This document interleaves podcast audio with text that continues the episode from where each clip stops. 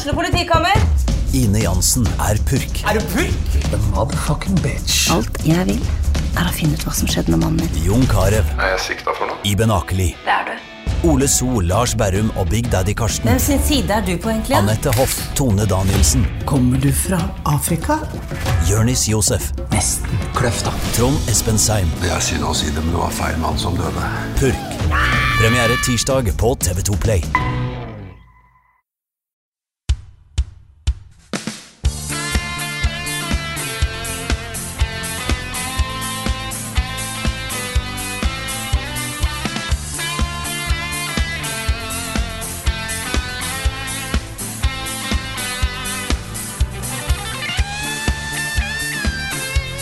Og da vil jeg ønske velkommen til en ny episode av podkasten Level Backup med meg, Frida Danmo. Og denne uka her har vi med oss Karl Martin Hogsnes, Rune Fjell Olsen og Niklas Halvorsen. Og jeg må si, Nick, stråler det av deg? Nei, Har det skjedd noe nytt siden sist, Nick? er ikke så mye. Nei, og kanskje bare en sånn liten ting? Bitte liten ting? Ok da, jeg kan si det. Ja. Jeg er fulltidsnick nå. Fulltidsnik. Fulltidsnik. Det stråler like mye av oss, vet du, fordi dette har, har vi jobba for nå så lenge og ønska oss så lenge.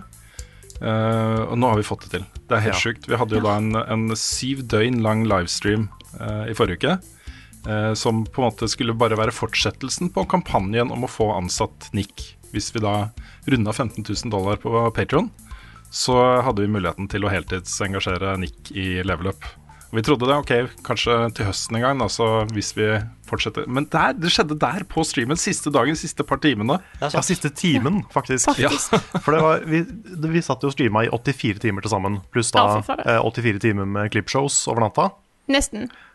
Ja, Ja, nesten. minus 12. Ja, minus minus 12 på Minus 12, det er sant. Det er sant. Mm. Uh, men det var da den siste timen av streamen hvor vi nådde to mål. Ja, for at jeg så jo, altså i titida jeg begynte å bli litt trøtt, så at OK, eh, vi har nådd 13 500. Dette er jeg sjukt fornøyd med. Jeg tror ting roer seg her. Jeg tar kvelden. Gjorde ikke det. Jeg Gjorde ikke det. Nei, skulle aldri gjort det, vet du. Ja. Vi har, eh, skal snakke mye mer om dette her, fordi eh, eh, masse spørsmål som har kommet hva, eh, rundt hva det betyr for level up. At Nick er heltidsansatt, og at vi har nådd det målet og de andre målene. Det er jo ikke bare det som var målet her i den kampanjen. Nei, nei. Um, så vi sparer det til litt seinere, men jeg har bare lyst til å si litt sånn generelt at dette er jo livsviktig for oss. At vi har såpass sterk støtte på Patron, fordi vi er et lite selskap. Vi har liksom ikke muligheten til å gå ut og hente, bare hente penger fra markedet. Folk kaster ikke penger etter oss. Fordi vi er, vi er små, også ikke små, men vi er eh, ikke store nok da, til å kunne engasjere tre personer på heltid. Bare fra sponsor- og annonseinntekter. Det hadde ikke gått. Så det er jo derfor vi eksisterer. Og det er så sjukt uh, øhm, rørende. og sånn, litt sånn, jeg er veldig sånn humble da, ba- av alt dette her. Fordi øhm, det, det er en sånn skikkelig boost for oss. At folk er villige til å betale for innholdet vårt, er Uh, utrolig sånn rørende.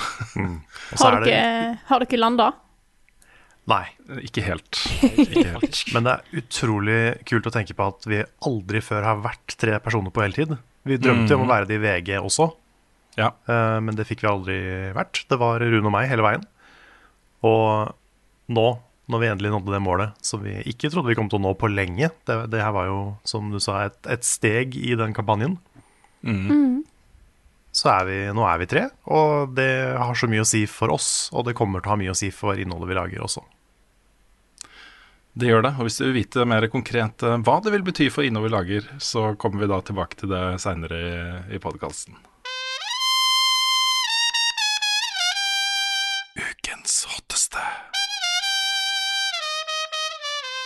I ukens hotteste denne uka så vil jeg starte med et spørsmål. Eh, Carl, hva er de drømmedama? Oi, min drømmedame. Jeg ser for meg kanskje noe sånn um, Kanskje en person med litt sånn gotisk stil. Litt sånn animert, kanskje litt sånn, veldig, sånn personlighet som, som har mye utstråling. Litt teatralsk, nesten. Kanskje tre meter høy.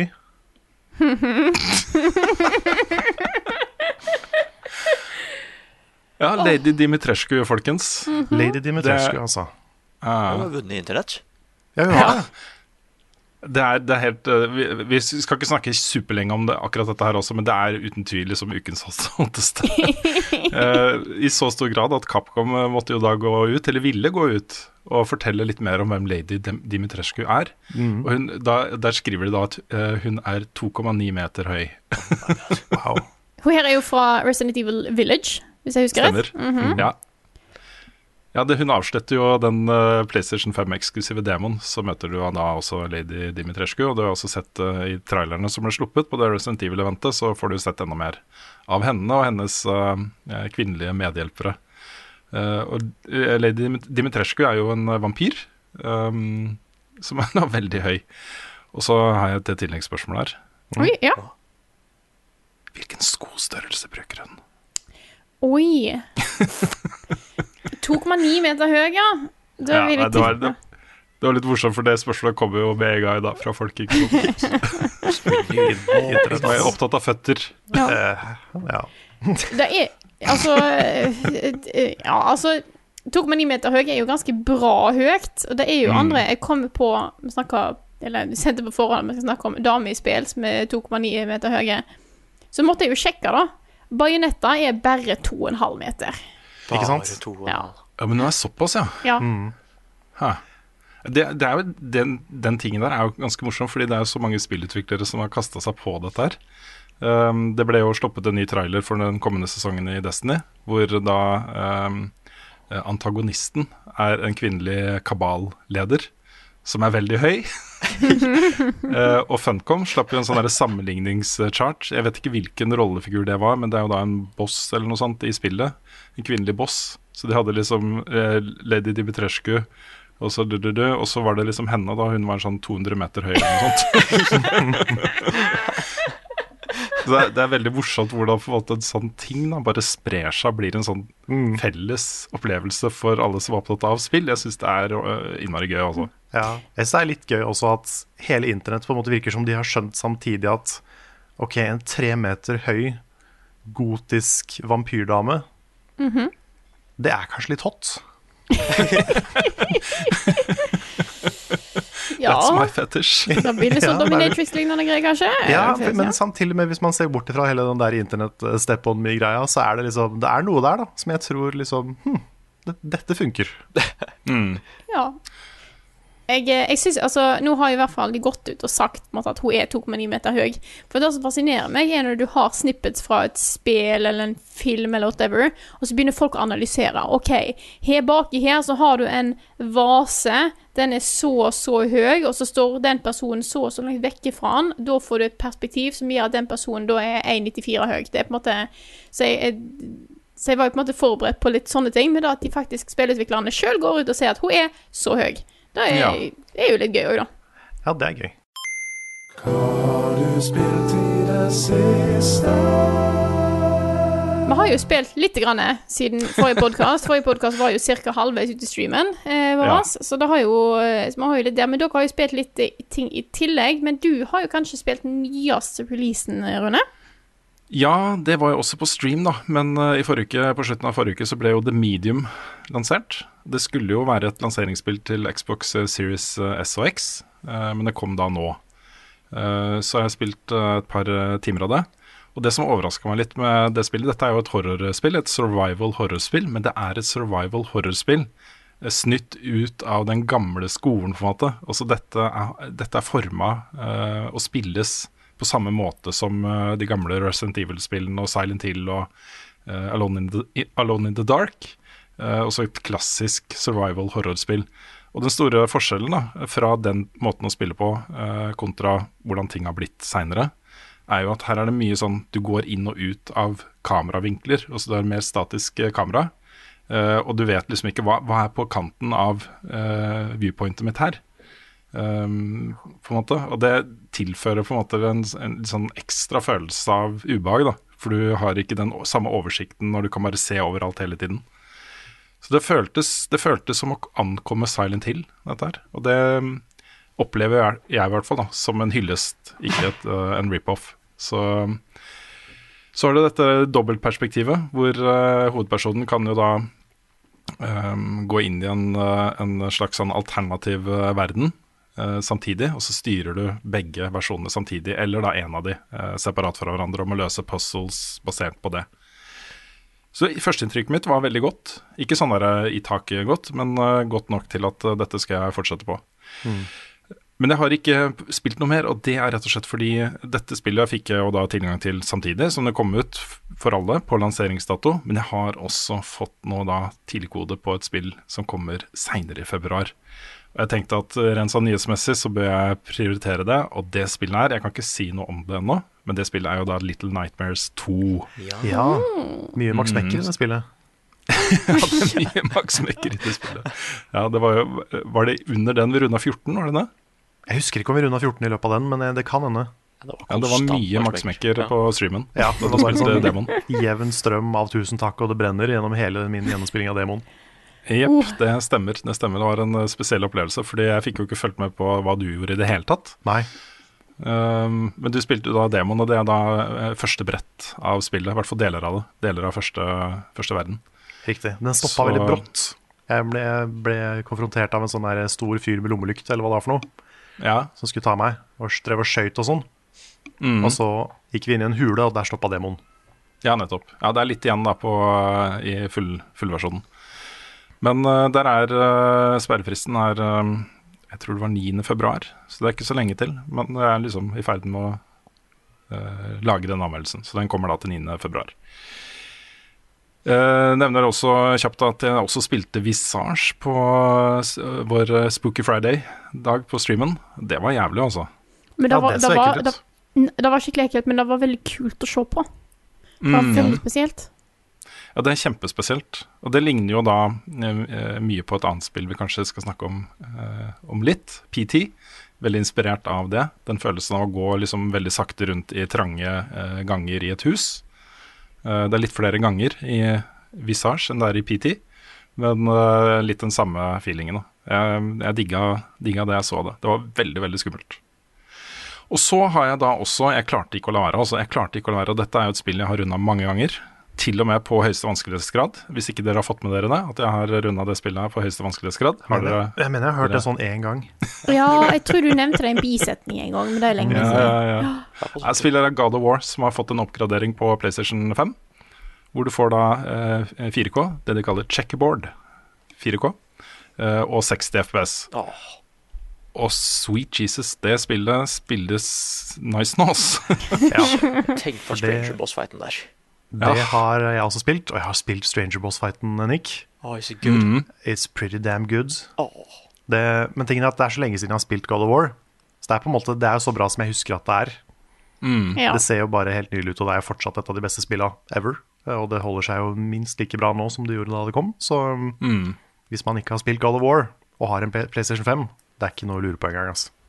Ingenting. Uh, jeg prøvde å sjekke hva checkerboard uh, 4K er, da.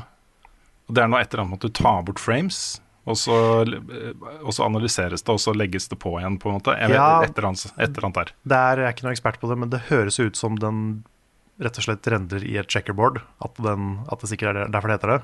At du Mm. analyserer halve bildet og får på en måte Du får da færre frames i praksis, men det ser ut som 60 frames fordi har, du har det, det mønsteret, da. Ja, ikke sant. Det er akkurat det. Du legger ikke merke til at det er uh, piksler på en måte som er borte, men eh, de, er- de er borte for at du skal kunne rendre i, i 4K. Nettopp. Så det er litt sånn samme prinsipp som interlacing og sånne ting, men bare Ja, sånn sånn som de gjorde på gamle spill, for å få For å få mer ut, ut av de. Ja. Ja. Jeg la i hvert fall ikke merke til at det var noe borte.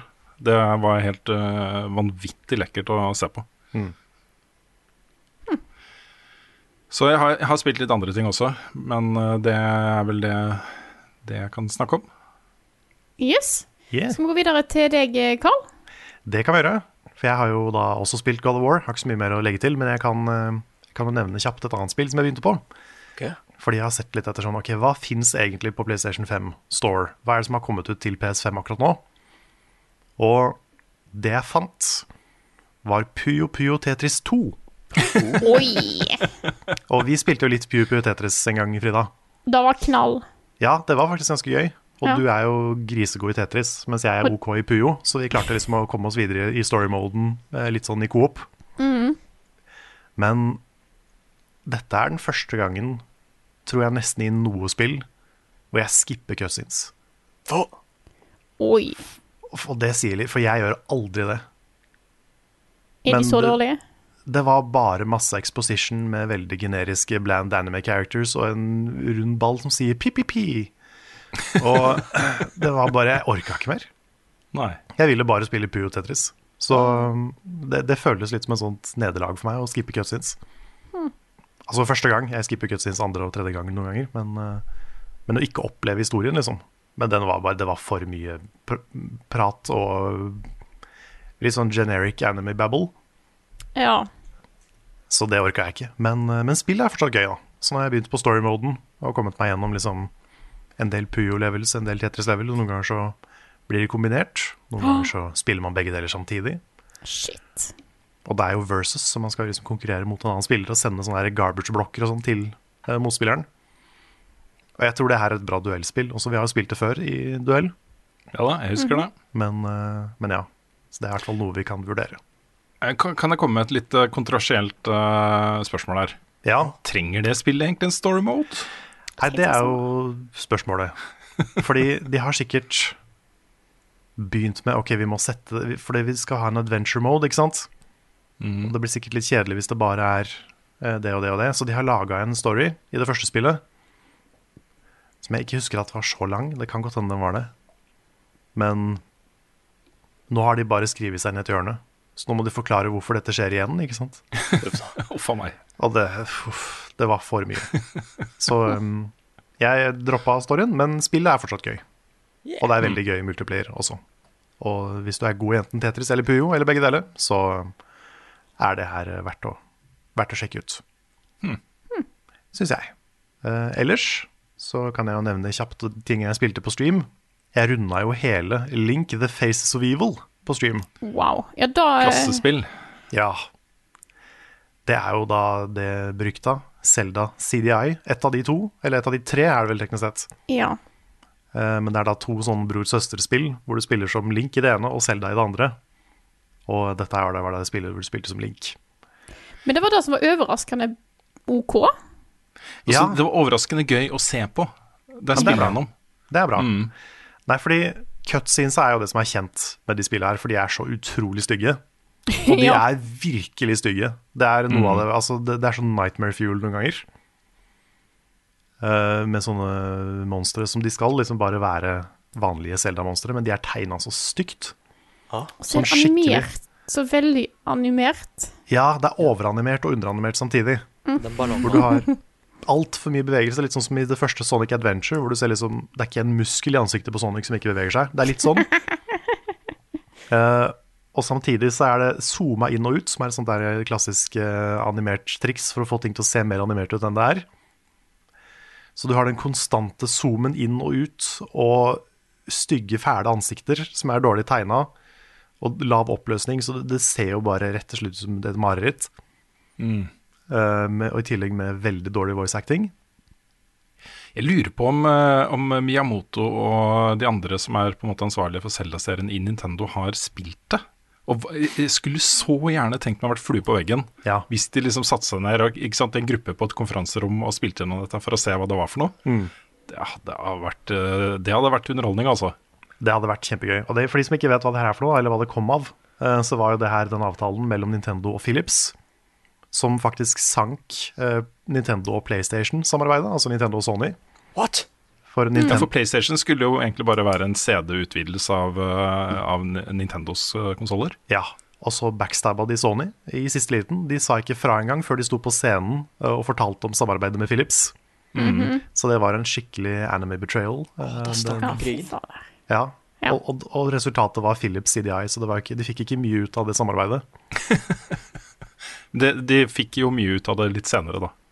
Det gjorde de. Sony. Så, ja, Sony, jeg tenkte på Nintendo. Ja. Nintendo fikk veldig lite ut av det samarbeidet. De fikk et par uh, ræva Zelda-spill, et skikkelig rart og dårlig Mario-spill, som et Hotell Mario, som også har sånne yeah. freaky mareritt-cutscenes. Um, men spillet, da. Spillet Link the Faces of Evil var helt OK. Ja, det så ikke totally rævet, liksom. Nei, men jeg tror det hadde vært mye verre hvis jeg hadde spilt på en faktisk CDI. Fordi de kontrollene er fæle. De er utrolig lite responsive, og du må liksom crouche og trykke på sverd eller noe sånt for å få opp menyen, og det er veldig mye sånne ting. Men, eh, men jeg spilte jo da denne remasteren som noen har laga. for Av some en reason. grunn. Ja. Uh, men den har jo støtte for flere knapper, og uh, du kan sette på en sånn Du har evig mengde liv og sånne ting, hvis du vil. Så det er mye lettere å spille de. Men, eh, men ja. Så det var, det var en litt mer behagelig spilleopplevelse enn det jeg hadde sett for meg. Da ble det bare en sånn der eh, fetch quest, egentlig, hvor du må finne den tingen, gi det til den personen, og så drepe de fiendene, samle rupees, og så må du kjøpe noe Eller rubies, heter det i det spillet her. Ja. Og så må du eh, ja, ha den og den tingen på den og den bossen. Og til slutt så må du kaste en bok på Ganon, og så er spillet ferdig. Spoiler alert. Spo spoiler alert. Men det er jo tidenes memespill, det her. Ja. Men jeg ble overraska over at det var OK å spille. Så nå har jeg faktisk lyst til å spille det andre. Jeg vil ta en stream en dag hvor jeg spiller uh, Zelda The Wand of Gamelon, som er det andre spillet. Gleder meg. Det blir, det blir gøy. Og da, Yes. Nick, Ja. hva har du spilt? Eh, vi har jo eh, For nå må jeg tenke, hva var det som skjedde etter torsdag, da vi hadde forrige podkast? Nei, t- altså, vi hadde jo Det er speedrun torsdag. Eh, skjedde jo etter podkasten. ja. Eh, Freaky Friday. Og eh, eh, Party lørdag. Og Shitty søndag. OK. Som ble very good søndag. Ja, det var ikke skikkelig søndag i det hele tatt, faktisk. um, ja, for da har jeg Jeg speedrunna Super Meat Boy. Kom, kom til siste verden der, tror jeg. Oi. Jeg tror, tror jeg jeg gjorde. helt Ja, for det er to sånne der verdener som er liksom låst. Men jeg tror det er bonus worlds, da. Um, eller Ja, det for du kom til. Rapture, gjorde du ikke det? Jo, Jo. jeg mener det var det siste. Jeg er ikke Jeg kan, mens du prater, så kan jeg sjekke det. Ja, men, eh, men jeg kom dit, da. Uh, og så hadde vi jo uh, vi- Vi, redaksjonen spilte jo Monopol igjen. Og det ble jo Ja. like legendarisk som det alltid blir. Det er så gøy altså, å spille Monopol med dere. Det blir en historie hver gang, liksom. Ja. Det gjør det. Eh, mest at det liksom Rune kontrollerer eh, boligmarkedet og sånn. Ja, Og da må vi liksom gange up for å bekjempe vår common enemy, ikke sant? ja fordi oh. jeg var så Første gangen Rune gjorde det, så ble jeg så frustrert. For jeg sa, "Her, det her, går det her an? Vi har alltid, vi har alltid spilt med sånn at vi bare kan ha flere hus. Ikke sant? Vi bare, hvis ikke vi har nok hus i esken, så bare finner vi andre ting å putte på brettet, så er det hus. Ja. Nope. Okay. Og så kommer Rune med den her, og så går det ikke an å kjøpe flere hus. Jeg ble litt sjokka over å oppdage det selv. Det var ikke med vilje, liksom. Det var ikke en uttalt plan fra starten av. Nei. Det var egentlig bare flaks at jeg fikk liksom den første fulle, eh, det første fulle settet Ja, eh, på en veldig billig gate. Det var jo første gata, var det ikke det? Jo. De første gatene. Ja. stemmer. Og så kunne jeg bare bruke, for jeg hadde jo masse penger da, det var jo et tidlig spill og sånt, så kunne jeg bare kjøpe hus da, på alle, alle tre liksom. så var det ikke flere hus igjen til dere. Nei, så det, ble liksom nok en sånn svær story arc der. Vi fikk masse Ja. meme-bilder på discorden vår og sånn. Mm. Men jeg, trenger ikke, jeg skal ikke spoile åssen det slutter, men det var Det gikk vilt for seg. Ja. Jeg må bare si at det var sjukt tilfredsstillende å bare se chatten flytte seg over på min side ja. i diskusjonen. Det var, da, ble, da var det sånn uh, Mission accomplished. Men nå har, vi, nå har vi lært oss vi skal kontre den strategien. Fordi Rune har jo brukt den siden han oppdaga den. Uh, men nå Ja. har vi liksom, når vi er nok spillere, så kan vi selge husene våre og så kjøpe de én og én. Og da kan vi circumvente den der husutpressinga. Så det, nå, nå har vi liksom funnet ut hvordan vi skal gjøre det. Ah, men, men samtidig, det føles ikke ut som en seier, for det er det at vi alle må gjøre det for å stanse Rune. Det er litt sånn Ja, ikke sant? Han, er liksom, han, han har så sykt mye makt. Liksom. Mm, Helt siden han fant ut det trikset her. det er sant. Eh, men eh, så har jeg jo spilt Eller det er jo ikke nytt, men første gang jeg spilte ordentlig gjennom, og det var jo PT. På Ja, denne skumle Mm. Denne skumle, skumle fre fredag Mm. I fredagen, ja. Og holy crap, det var skummelt, altså. Det, det jeg, jeg sier det liksom i streamen, men det var så skummelt. Og jeg skvatt så hardt at jeg fikk vondt i hodet. Uff a meg. Det var liksom eh, for, Fordi det, det, det er det spillet liksom at eh, du starter en korridor, liksom. Du går gjennom denne korridoren. Alt, det er litt sånn ekkelt. Det er litt sånn ekkel stemning, men fortsatt en, en en vanlig korridor. Men så looper det hele tida, og hva er annerledes hver gang du går i den nye korridoren? ikke sant? Ah, -hmm. det, det ble så ekkelt. Det var sånn utrolig sånn spilldesignmessig utrolig effektiv måte å, å tenke horror på. Hvor du er i den samme settingen hele tiden, og hver gang du åpner den døra inn til den korridoren, så er det sånn Hva har skjedd nå? Hva har skjedd nå? Hva er nytt? Eller hva Hvordan- kommer til å skje? Ja. Ikke sant? Hva- Ja, men det liksom, hva, hva venter på meg i den korridoren her nå? Det runder det hjørnet, ikke sant? Og du kan se ned da neste gang. Det er bare ett hjørne der, men det, det blir så utrolig effektivt. Og eh, dette var et spill som ble kansellert uh, fordi uh, Kojima og sjefene i Konami røk uklar med hverandre. Um, men det kom jo da også en, en trailer for det som da skulle hete Silent Hills. Um, som du fikk se noen helt insane scener. Både inne og ute. uh, utenfor hus. Og det var uh, Det er trist å tenke på også, at, uh, at det aldri ble noe av. Men nå har jo da Kojima gått ut og sagt at han studerer horrorsjangeren da etter Death Stranding. Så det kan jo hende da at det neste prosjektet så, så timer han opp med Del Toro igjen og lager dette konseptet her. Og så lager horror, Ja. rett og slett. Uffa meg. Det, går jo, det har gått rykter lenge også om at eh, Sony på en eller annen måte har fått IP-en til Silent Hill.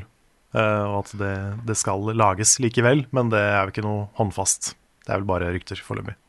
Ja, ingenting. Og det, det, hvis de har gjort det, så kommer de til å spare den til en sånn der stor announcement. Ja. Ja. Ikke sant? Horror fra Kojima, uh, Hideo Kojima Game, du, du, du, horror, horror, horror. Så tittel Silent Hills. Ja, det, var, det var rykter om Junji Ito også, liksom. Og det ja. Nei, jeg, jeg kan ikke tenke meg hvor skummelt Vi må nesten stanse dem før det er for seint, ikke sant? For det kan bli for skummelt. Det er too much power. Det er Kommer til å traumatisere en generasjon. Men, men ja, liksom, jeg hadde, man ante liksom ikke hva som venta i den neste korridoren. Og det var liksom sånne sykt ekle øyeblikk med at det plutselig så kunne du se skyggen til noen bak deg. ikke sant? Mm. Skyggen til noen som bare ikke står stille og bare venter. Jeg bare, ok, nå da gidder jeg ikke Ja. å snu meg, da. Det var kanskje den, den, det mest creepy for min del, når du spilte gjennom den demoen. Ja. Når du så skyggen din, og så var det en annen skygge bak deg som var sånn der jittery og bugga. ja. Det var ordentlig ekkelt. Det var Akkurat, akkurat da hadde jeg så lyst til å fortelle dere om at folk har funnet ut at hun dama står bak deg og er jittery hele spillet. Åh, Men jeg tenkte at da, da ødelegger jeg eh, Da ødelegger jeg Nico Carl, så det gjør jeg ikke. ja, det var bra. Så venter jeg til slutten heller. Nei, fordi det var det øyeblikket der hvor jeg faktisk liksom mista liksom pusten, fordi det var så ekkelt. For da fikk jeg den at ok, da må den døra være åpen når jeg går i korridoren, for det er ikke snakk om at jeg snur meg nå, liksom. Hvis hun er der. Og det var det øyeblikket der, og et hvor det plutselig detter ned Dette er en liten spoiler. eh, Det detter ned et vindu, eller et speil, eller noe sånt, når jeg skal gjennom korridoren. Og det var, det var så høyt. Eh, og så liksom ser man opp, og så står hun i andre etasjen og bare ser ned, ikke sant. Oh. herregud. Oh. Nei, men det, det, var, det var gøy å endelig beseire det spillet. For jeg har prøvd før i to minutter, liksom, men så var det for skummelt. Eh, Men apropos skrekk, Nick. ja. Vi spilte jo et annet spill. Ja. Fa Fasmofobia. ja, og det var så skummelt. Det var skummelt, og det, tok jo, det har jo tatt over Twitch, i hvert fall en periode. Og blitt liksom det nye store streamspillet. Ja. Jeg kan skjønne litt hvorfor, for det er veldig smart Det er et veldig, et veldig, veldig smart konsept. Det er jo litt sånn Litt sånn skranglete løst, kanskje. Med mye sånn uh, litt for avanserte controls og litt for mye å sette seg inn i starten, og du blir litt forvirra. Og det ser litt ut som House Flipper. Ja, det også. Det ser, og sånn. Det ser veldig ut som House Flipper. Det er nok mye, mye sånne kjøpte assets ute og går og sånne ting, for, for alt jeg vet. Men, um, men ideen er veldig god. Hvor du er sånne ghost hunters, på en måte. Ja, ja. Og du skal, ikke, du skal jo ikke exercise the ghost, du skal bare dokumentere at det er der. Mm, finne ut hva det er. Ja. Og, og da var det da du og jeg og Svendsen spilte den sammen. Ja. Og uh, skjedde mye. ja, altså jeg hadde jo tidenes skumleste session. Ja. Helt til jeg Ja. så Twitch-streamen igjen og fant ut sannheten. Ja, For, fordi det, det, ja. som, det som skjedde da, var at uh, først så døde jo Svendsen inne i huset. Han ble, han ble kvert av et spøkelse. Og du var låst inne på et rom. Ja. og kom deg ikke ut. Nei. Og jeg var da i vanen og turte egentlig ikke å gå inn i huset igjen, for jeg visste at det var helt mørkt. Jeg hadde ikke- lommelykt, og Svendsen var død. Ja. Eh, Men jeg måtte prøve å komme inn for å, for å redde deg. ja, for du kunne se meg fra vinduet, liksom. Jeg kunne også se deg. Ja. Eh, Så jeg gikk inn da i et hus som var helt mørkt, og da var jeg stressa. Altså. Jeg, kunne, ikke- jeg kunne ikke se noen ting, og det var eh, det verste jeg har gjort i et spill på lenge. Det er bare jeg turte nesten ikke å se på skjermen. Og så ser jeg lommelykta til Svendsen flashe litt, plukker den opp, og så dør jeg òg. Ja. Og da er Nick aleine i et låst rom, og vi blir spøkelser som kan gå inn og prøve å liksom guide Nick. Eller det var, det var tanken i starten, at vi skulle prøve å guide Nick som spøkelser. Det var det, ja. og, og så begynte vi, så fant vi ut at ok, vi kan ikke gjøre noe, men vi kan plukke opp ting og kaste de. så jeg, det første jeg prøvde å gjøre, var å ta en, ta en bamse og kaste det mot en annen dør, som kanskje ikke Nick så. Men det var jo mye skumlere. Og da, begynte, da skvatt Nick, og så begynte vi å le litt, og så måtte vi gjøre det litt mer, da. Jeg klarte bare ikke å stoppe. Nei, jeg, ble, jeg fikk litt dårlig samvittighet. Nei, men, men det det- var utrolig morsomt samtidig. Ah, det, det det ble heldigvis bra content. Nei, for det er en sånn funksjon hvor du liksom Det er jo proximity uh, voice, liksom. Eh, og det er jo et walkietalkie-system der. Og det var så ek det ekleste øyeblikket var det at ok, Carl er den eneste som kan komme inn nå og hente en lommelykt og kanskje få opp den døra. Så jeg fant ut at dette bare var en bug. Det var en ganske skummel bug. At eh, spøkelsene liker å låse dørene når de er der, men den skal teknisk sett bli låst opp igjen nå, men det ga den ikke. Uh, da jeg plutselig ikke kunne høre deg lenger på walkietalkien, og så dukker det opp en bamse i rommet, liksom. Fy faen, ass. Det, det, det var så ekkelt, for et av de description til spøkelser var at eh, ja, hun dukker opp som regel når hun er aleine i rommet. Og så begynte det å dukke opp bamser og sånne derre sprettballer og flasker og brusbokser, og det, det var så ekkelt. Etter liksom, jeg fikk opp døra, idet jeg løper ut, så ser jeg noen bare kaster en brusboks. Så han bare nei, nei, nei, nei, nei, og nå stikker vi med en gang. Vi trenger ikke å finne ut hvilket hva det er engang. Vi bare går inn. Og den siste skvetten da er at det er jo et sånt askebeger i den vanen liksom, som bare venter på meg. Ja. Og da er det jeg liksom lurte på bare Det skjedde så ofte mens jeg prata, så bare nå begynner jeg nesten å lure på om det kanskje er Carlo Svendsen. Mm. Nei, var Du og jeg og Svendsen er for øvrig et godt navn på en serie. Det er sant. Ja. Kanskje en svensk serie, du og jeg og Svendsen. Nei, det, det var skummelt, men det var også faktisk veldig morsomt. Det var det. ja. Skal jeg ta og fortsette? Ja. Do it. Jeg har jo nå fullført eh, Champions Ballad, eh, DLC-en til Breath of the Wild. Ja. You have the motorcycle. Jeg har The Motorcycle. Den bråker noe helt enormt. Jeg okay. liker ikke å bruke den. Nei, det er en motorsykkel. Ja, Sånn, sånn 100% ja, ja. Jeg hadde håpet den skulle være, ikke ha en så irriterende lyd. Ehm, men det var, det var veldig gøy å få spilt det på stream. Jeg fikk jo spilt de første fire timene, og så spilte jeg en del offscreen, og så offstream. Og så spilte jeg slutten eh, på, på søndagen. Eh, det, var, altså, det var veldig gøy å få spilt det. Jeg husker ikke hvor mye jeg snakka om det i forrige podkast, egentlig, men jeg har jo eh, Jeg har jo nå Det kom jo en del memes forrige uke. Eh, og den ene av dem var jo P- Peregate 2021. Eh, som skjedde under første eh, Zelda-streamen. Og den andre er jo Pro Gamer Headset eh, memesa som kom på søndag mens jeg spilte Sonic 06. Eller i, ja, det var egentlig starten av Zelda-streamen så kom jo dette her, fordi eh, Elgato-boksen min gir litt rare greier med Switchen. Ja, Switchen er ikke helt fornøyd. Nei, Switchen er fornøyd, Elgato-boksen er ikke fornøyd. Så han tar, og av og til så bare bestemmer han seg for å distorte lyden. Noe helt forferdelig. Eh, og av og til så får jeg ikke lyd. Eh, og det er skikkelig, skikkelig slitsomt. Og jeg prøvde å få det til å funke. Jeg fikk alt til å funke. Eh, søndag klokka 11, da funka alt. Og så skulle vi begynne å streame klokka 12, og da slutta mikrofonen min å fungere. Så da måtte jeg resette PC-en, og da funka ikke Elgato lenger. Som er opptaksboksen den vi bruker til å få signal fra switchen inn på PC-en. Så da begynte styret mitt. Og heldigvis jeg hadde jeg den gamle Elgato-boksen klar, for den skal jeg bruke til PlayStation 3 etterpå. Og bare for å ta dette her, så Den det, er, det var OK, jeg orker ikke ta hele greiene. I hvert fall, for å få alt til å funke, så måtte jeg ha tre headset på meg samtidig. Og eh, nå har jeg heldigvis funnet da litt sånn, sånn ørepropp-headsetet, så nå kan vi holde oss til altså, to store og ett sånt neste gang. Eh, så det er i hvert fall en forbedring. Eh, men det var altså det som skulle til for at jeg kunne spille Sonic 06 òg på, på stream, som jeg gjorde. Ja. Jeg spilte det vel i ca. to timer totalt, tror jeg. Jeg tror det var litt mer. Ja, det kan ha vært litt mer. Jeg tror jeg spilte tror to sånn timer, og så spilte jeg en halvtime halv, eller tre kvarter til etterpå. Ja. Det var fascinerende å sitte og se på, også, fordi du satt og spilte, spilte, spilte, og så plutselig bare Vet du hva, nå, jeg klarer ikke mer. Nå, nå, det- går ikke. Jeg må gi meg nå. Den var eh, Det er ikke Sonic O6 er et interessant spill. Det er helt riktig. Det har en del problem, eh, både med det meste, og en av de er kamera.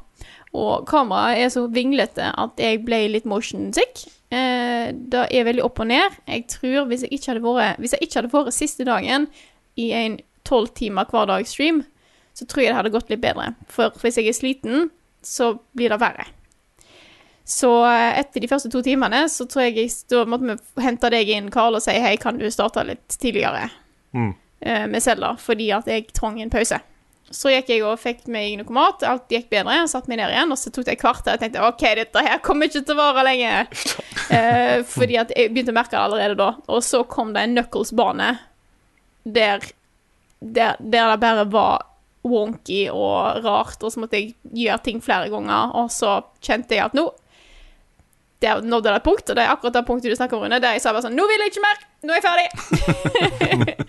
Men det var Det er jo interessant spill, så jeg har lyst til å få med meg resten. Vi må bare finne ut hvordan vi skal gjøre det, Karl. Ja. ja, fordi det er på en måte På en sånn rar måte verdt å spille det. Ja. Fordi det er Det har jo fått rykte på seg til å, bli, til å være spillenes The Room. Ja. Og det er jo den kombinasjonen av at ja, det er uferdig og wonky og dårlig satt sammen. Men det er også veldig ambisiøst og veldig sånn ektefølt fra de som har lagd det. Og det skulle jo være et stort Triple A-prosjekt. Så det er jo litt sånn som de har tenkt med The Room, at dette her skulle jo være the magnum opus, ikke sant? Ja, ja, ja. Men så har det blitt noe annet, og det er litt interessant. Ja. Pluss at det er jo ni spillbare characters, og de har ikke naila noen av de. så når du kommer til da Fordi Tales of Knuckles er jo spillbare i sånn én eller to levels, men jeg husker. Kan hende det, er mer. Men, Å nei. Ja. Mm.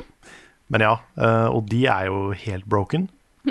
Tales kaster sånne fake ringer på fiender, og de- kan du ikke plukke opp, så det er bare forvirrende. ja. Og tanker jo frameraten. Uh, og Knuckles har den rareste fysikken noen gang. Sonic kan snowboarde oppover. Og det, det er så mye rart på en gang. Det er en fysikkmotor, men den funker ikke, på en måte. ja. Så, Og- så det er sånn, en sånn kaos av et spill. Og Sonic-spill er jo um, en blanding av gotta go fast og ting skjer på rails. Uh, Ja. Ikke bare rails som du skal grinde på, men faktisk at, måte, at nå ser du en fancy animasjon av at Sonic fjerer rundt på en loop, og så blir du sendt videre til neste. Men den pathwayen der funker ikke alltid. Så Ah, spillet ja, sender er deg i døden. Ja. Uten Det skjer ofte. gjøre noe. Ja, du kan ikke gjøre noe med det. Ja, du blir Nei. skutt ut av et hus, liksom. Ja. ja. Se for deg liksom et spill som er on rails, men samtidig dreper deg. Ja, Og så var det jo ja, ja. perfekt kombo. Ja. Nei, så jeg har, lyst til å, jeg har lyst til å spille videre. Spørsmålet er bare, jeg er ikke helt sikker på hvordan vi skal få det til, fordi at jeg tror dette er et spill jeg i så fall bør spille i små bursts. Så det kan være at vi kan ha det som en del av en stream, at jeg på en måte, nå spiller jeg Sonic, og så ser vi hvor langt det går, og så tar noen andre over med noe annet.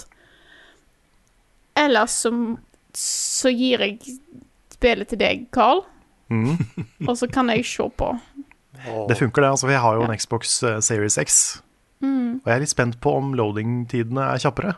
Ja, for loading var jo ikke noe kjapt. Nei, det er halve spillet.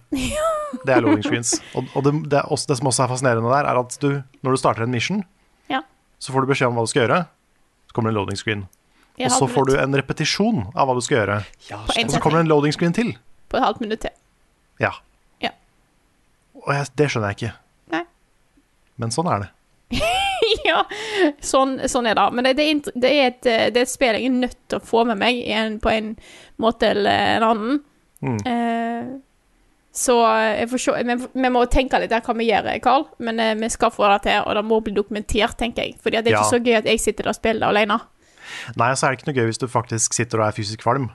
Nei, det Det, er det, det er jo litt mer fælt. Men, Ja. men det er jo også denne svære, massive rosinen i pølsa, da.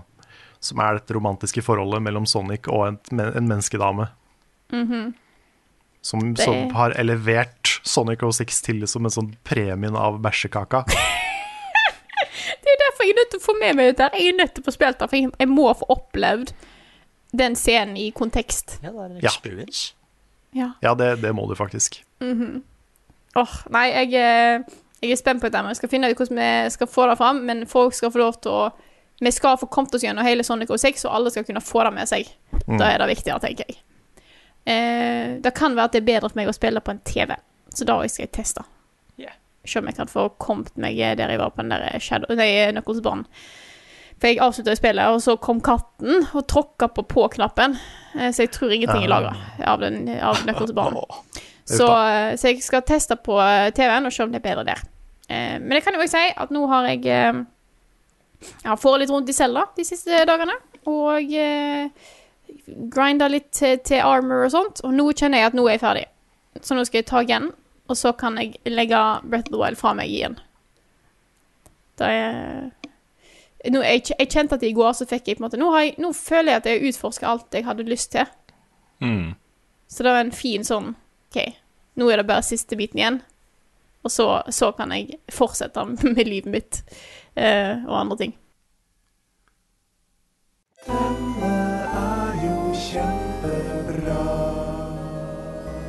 Ukens anbefaling. Denne uka her så er det en TV-serieanbefaling som ikke sjokkerende kommer fra ikke Rune. Åh.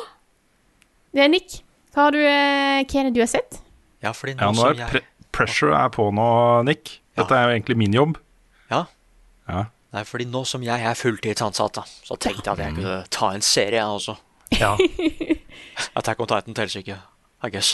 Men nå Nei, Det er fordi at eh, nå har jo på Disney Pluss, da Nå har jo Marvel endelig kommet ut med sin første serie. Som tar sted i The Marvel Cinematic Universe, og det er jo WandaVision. WandaVision. Ehm, og her må jeg være litt forsiktig, da. Uh, fordi det er jo veldig viktig at du har sett de andre filmene før det her. Den er jo liksom kronologisk den nye Er, er den egentlig det? Nå, nå vet jeg, ja, den er, den er litt tricky, den serien her. Men du må ha sett i hvert fall liksom Avengers-filmene før du å hopper inn den her. Nei, for det handler om at det er WandaVision. Bare at de lever i en sitcom-verden, rett og slett. Og hver episode eh, tar for seg et tiår i komedie. Ja. Altså liksom Jeg vet ikke, episode 1 starter vel i 60-tallet, kanskje? 50-60-tallet? Jeg tror første episode er 50-tallet, Ja. og episode 2 er 60-tallet. Mm. Og så er vel tre 70-tallet, hvis ikke jeg tar helt feil. ja, et eller annet der, kanskje. Mm. Nei, så det om at ja, de er i denne verden her. Uh, og humoren er jo så klart skrevet rundt det tiåret de er i. Men, men det er jo dette Jeg syns jo noen av vitsene er ganske morsomme òg, i hvert fall fra tida, liksom. Men det er jo dette mysteriet, da. Særlig hvis du har sett eh, Avengers, Infinity War og Endgame og sånn. Det er jo liksom Hvorfor skjer det her? Ja. Hvorfor er disse to her? Hvorfor er det et sitcom i første omgang, liksom? Mm.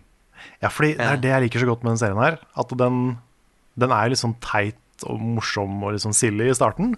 Mm. Med sånn med vilje klein humor og sånn, litt den derre 50-talls cheesy uh, greia. Ja, ja. Men det er en sånn underliggende Nesten sånn horrorelement i det. ja, men det er akkurat det der. Ja, At noe er ekkelt, noe er feil. Og det er spesielt en scene i episode to som, som ga meg skikkelig frysninger. Og jeg vet, ikke om jeg, kan, jeg vet ikke om jeg kan si noe om den scenen. Nei, jeg vil ikke at du skal gjøre det, for jeg Nei, har ikke ikke sett serien ennå. Nei. Nei. Da, ok, Men det er en sånn Du får et sånt brudd i um, idyllen, på en måte. da Ja. Og det er veldig ekkelt. Og det er veldig sånn Da satt jeg igjen og bare Shit, det, nå, den kjente jeg, liksom. ja, så er det liksom bare Å, nei. Ja, sorry, jeg, det, det, jeg bare får litt sånn tanker til uh, Mr. Robot uh, her, og de sekvensene hvor han uh, eh, på en måte er i en slags koma og drømmer seg inn i en sånn sitcom-verden. Ja, men det er litt sånn og, og det er skummelt å sammenligne ting med Twin Peaks, men det er litt den samme, det samme ubehaget, på en måte. Den Mm. der underliggende noe er feil, noe er ekkelt, noe er rart. I hvert fall kombinert da med hvis du vet hva som har skjedd tidligere i Avengers. Ja, Mm. for det er akkurat det. Nei, det er liksom Jeg, jeg så en sånn kommentar som sa at dette her Det var liksom ikke noe for meg, fordi jeg er ikke noe glad i denne Den sitcom-humoren. Funker ikke for meg, liksom. Mm. Men da så jeg den kommentaren at ja, ja, men det er liksom Det, er- det er litt poenget, da. Ja. At uh, dette her er noe som er gærent. Og du kjenner det hele tida. Ja. ja, fordi dette er ikke en sitcom. Nei.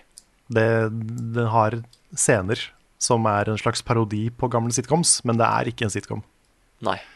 Men hva når de kommer til 2010-tallet? Blir det bare sånne superkjappe meme, uh, vines og TikToks? Ja, det er faktisk TikToks? en, en hel episode som bare handler om Doge. ja, ikke sant? Mm. Nice. Og Nyan Cat. Ja. Nei da, jeg tror det er, det er ikke sikkert uh, jeg vet ikke, hvor, jeg vet ikke hvor langt de kommer til å dra den sitcom-greia. Nei, men det er kjempespennende. Mm. Det er, jeg har sett flere kommentere denne serien her som sier at de skulle så gjerne hatt den i binge-format, istedenfor at det kommer en ny episode i uka. Hva tenker dere om det? Jeg liker litt at det er en episode i uka.